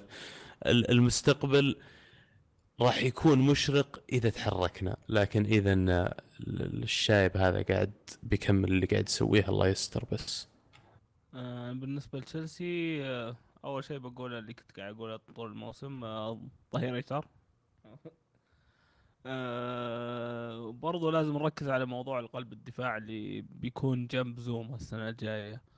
آه، تيري آه، شكله إنه خلاص بيطلع من النادي أو إذا بيجلس مع النادي ما راح يجلس كلاعب. آه، إيفانوفيتش في كلام ممكن يطلع خاصة نزو... آه، إنه روما آه، مهتمين. آه، ف إي- إذا يعني قلوب الدفاع صعبة شوي لأن عندك كالاس وكريستنسن راجعين ال- الموسم الجاي من الإعارة وفي كلام كبير برضو عن كريستنسن. آه، موضوع صراحة يخوف. آه، هل نعتمد على الصغار أو أننا ممكن لاعب كاهل أو كاهل ممكن يبقى ولا لا؟ آه، غير كذا أتوقع هازارد آه، من اللعيبة اللي طلعوا أو يعني خلاص ترك النادي. آه، ف برضه يبينا نشوف مين ممكن يمسك مكانه. دييغو كوستا في احتمال طلعته برضه ف ومع لوكاكو قاعد يقول أنا عندي unfinished business في ستامفورد بريدج آه، شكل الصيف هذا بيكون شيء غريب جدا هازارد وين راح؟ يعني خلاص كذا ما عاد ما عاد بلعب معكم آه. بيعوني بيعوني أتوقع هازارد آه، شوف هو قاعد يلعب يعني وسجل هدفين آخر مباراة بس إنه توقعاتي بعد الأمم اوروبا خاصة إذا بدأ بيكون يا في مدريد يا في ميونخ ولا أحس ترى ما تدري. ممكن ممكن يجي كونتي ويقنع بشيء ما ما ما, ما تدري يعني. إيه بس أتذكر هازارد يوم جاي ينتقل تشيلسي يوم يقول أنا بلعب بطل أوروبا. أه، أتوقع إنه يعني أكبر هدف في راس هازارد حاليا إنه يفوز بال Champions League ويعني أتوقع اللي في راسه إنه أه، إذا أبي أفوز بال Champions League يبي لي أروح لميونخ ولا المدريد عشان أقدر أفوز فيه. بدي أروح ألعب مع فريق يلعب في ال Champions League السنة الجاية. برضه إيه. طيب أيضا في سؤال من مساعد يقول تتوقعون استدعاء بيرلو مكان ماركيزيو في بطولة اليورو راح يكون حل مناسب؟ أنا مبسوط أشوف بيرلو صراحة. أه، فقدناه يوم راح الدوري الأمريكي. بس أه، هل هو نفس مستواه؟ ما دام إنك أنت في أمريكا يعني المفروض عندك تغطية للموضوع. والله قاعد أحاول أتابع مباريات نيويورك سيتي صراحة. اللعب الأمريكي مختلف ما يثقون فيه مو بعارفين وش بيرلو. يعني مثلا لو كان في إيطاليا كان آه، تعطي تعطي بيرلو الكورة في أي مكان هو موجود وأنت عارف إنه بيستلمها كويس وبيسلمها كويس. للحين في أمريكا مو بعارفين آه، إيش قاعد يصير عرفت لي يعني يخافون يناولون إذا كان مضغوط ما بعد يتعودون عليه. بيرلو ما هو بيرلو الموسم الماضي. لأنه يلعب في بيئة جديدة ومستوى أقل بكثير من من اللي كان يلعب فيه. ما أدري إذا هل هو البديل المناسب آه، لماركيزيو أو إن استدعائه هو الخيار الصحيح. أنا مع استدعاء بيرلو يكون موجود في المنتخب لكن آه، مو شرط يكون اعتماد رئيسي عليه. آه، يعني عندك فيراتي ممكن تعتمد عليه بشكل رئيسي أفضل. يمكن مع بعض فيراتي وبيرلو. ما أعتقد أن بيرلو بيلعب حتى شيء قريب من الدور اللي يلعبه ماركيزيو. فاستدعاء أنا أشوف راح يكون يمكن فيه رجوع شوي للخلف إلا إذا كان مثلا عندك مقعد في الفريق تبي تجيب اللاعب الخبرة اللي عارف ال- ال- البطولات هذه عارف إنه إذا نزل آخر عشر دقائق ولا ربع ساعة إيش ال- ال impact ولا كيف يقدر يغير المباراة. فممكن تستفيد منه في اللحظات هذه لكن أتوقع ثقله وبطء في الملعب راح يصعب عملية مشاركته. آه ناخذ سؤال أخير من خالد عبد الله يقول وش رأيكم بلاعب إمبولي باريدس؟ آه الأرجنتيني لاعب معار من من روما. إلى إمبولي لاعب ممتاز وله مستقبل. وأعتقد إن في الآن كلام آه، إن ليفربول يفاوضه. لكن أعتقد إن روما يفضل الاحتفاظ باللاعب. سمعتوا عن اللاعب شو تابعته؟ أنا أعرف الظاهر إنه هو ساوث امريكان اي أرجنتيني هو. اي خبر كان قبل فترة طالع بس ما كان عليه ال- ال- البهرجة الإعلامية عليه مثل غيره لكن اسمه يبقى قاعد يطلع فترات متفاوتة. ما زلت كل موسمين ثلاثة يرجع يطلع لي اسمه.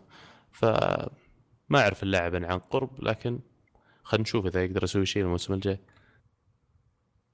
كذا نكون آه، ختمنا أسئلة الأسبوع هذا. آه، حاولنا ناخذ الأسئلة اللي ما تكررت. قدر المستطاع شاكرين لكم مشاركتكم.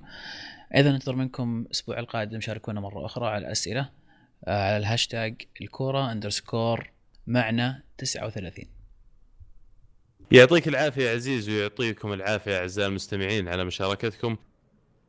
في دوري التوقعات عندنا جولة الأسبوع هذا ثلاث مباريات عند عزيز. عندنا مباراتي نصف نهائي كأس الأبطال السعودي آه، الهلال أمام الأهلي إعادة آه، مباراة الدوري والنصر أمام الاتحاد والمباراة الثالثة مباراة في الدوري الإنجليزي بين مانشستر يونايتد وليستر سيتي. لا تنسون تشاركونا وترانا نجمع النقاط كل أسبوع ويمكن تصير في مفاجآت نهاية الموسم. who knows سؤال الحلقة هذا طبعا شفنا أفضل فريق في ال Premier League السنة هذه أعلن. آه نبي نسمع رأيكم أنتم. هل تظنون في لاعبين كانوا يستاهلون يصيرون في الفريق؟ هل تحس عندك تشكيلة مختلفة عن اللي أعلنوا عنها؟ شاركونا. وفي الختام نشكركم على حسن متابعتكم. تابعونا على تويتر أول بأول تجيكم أخبارنا. كمان سووا لنا follow على iTunes SoundCloud تجيكم حلقاتنا كمان كل ما تنزل. في شباب كمان يسجلون بودكاست ألعاب. بودكاست جميل يتكلم عن ألعاب الفيديو games على ال PC Nintendo PlayStation وال Xbox الشباب فاهمين مرة وننصحكم إنكم تسمعون لهم. كانت الكره معنا والحين الكره معكم.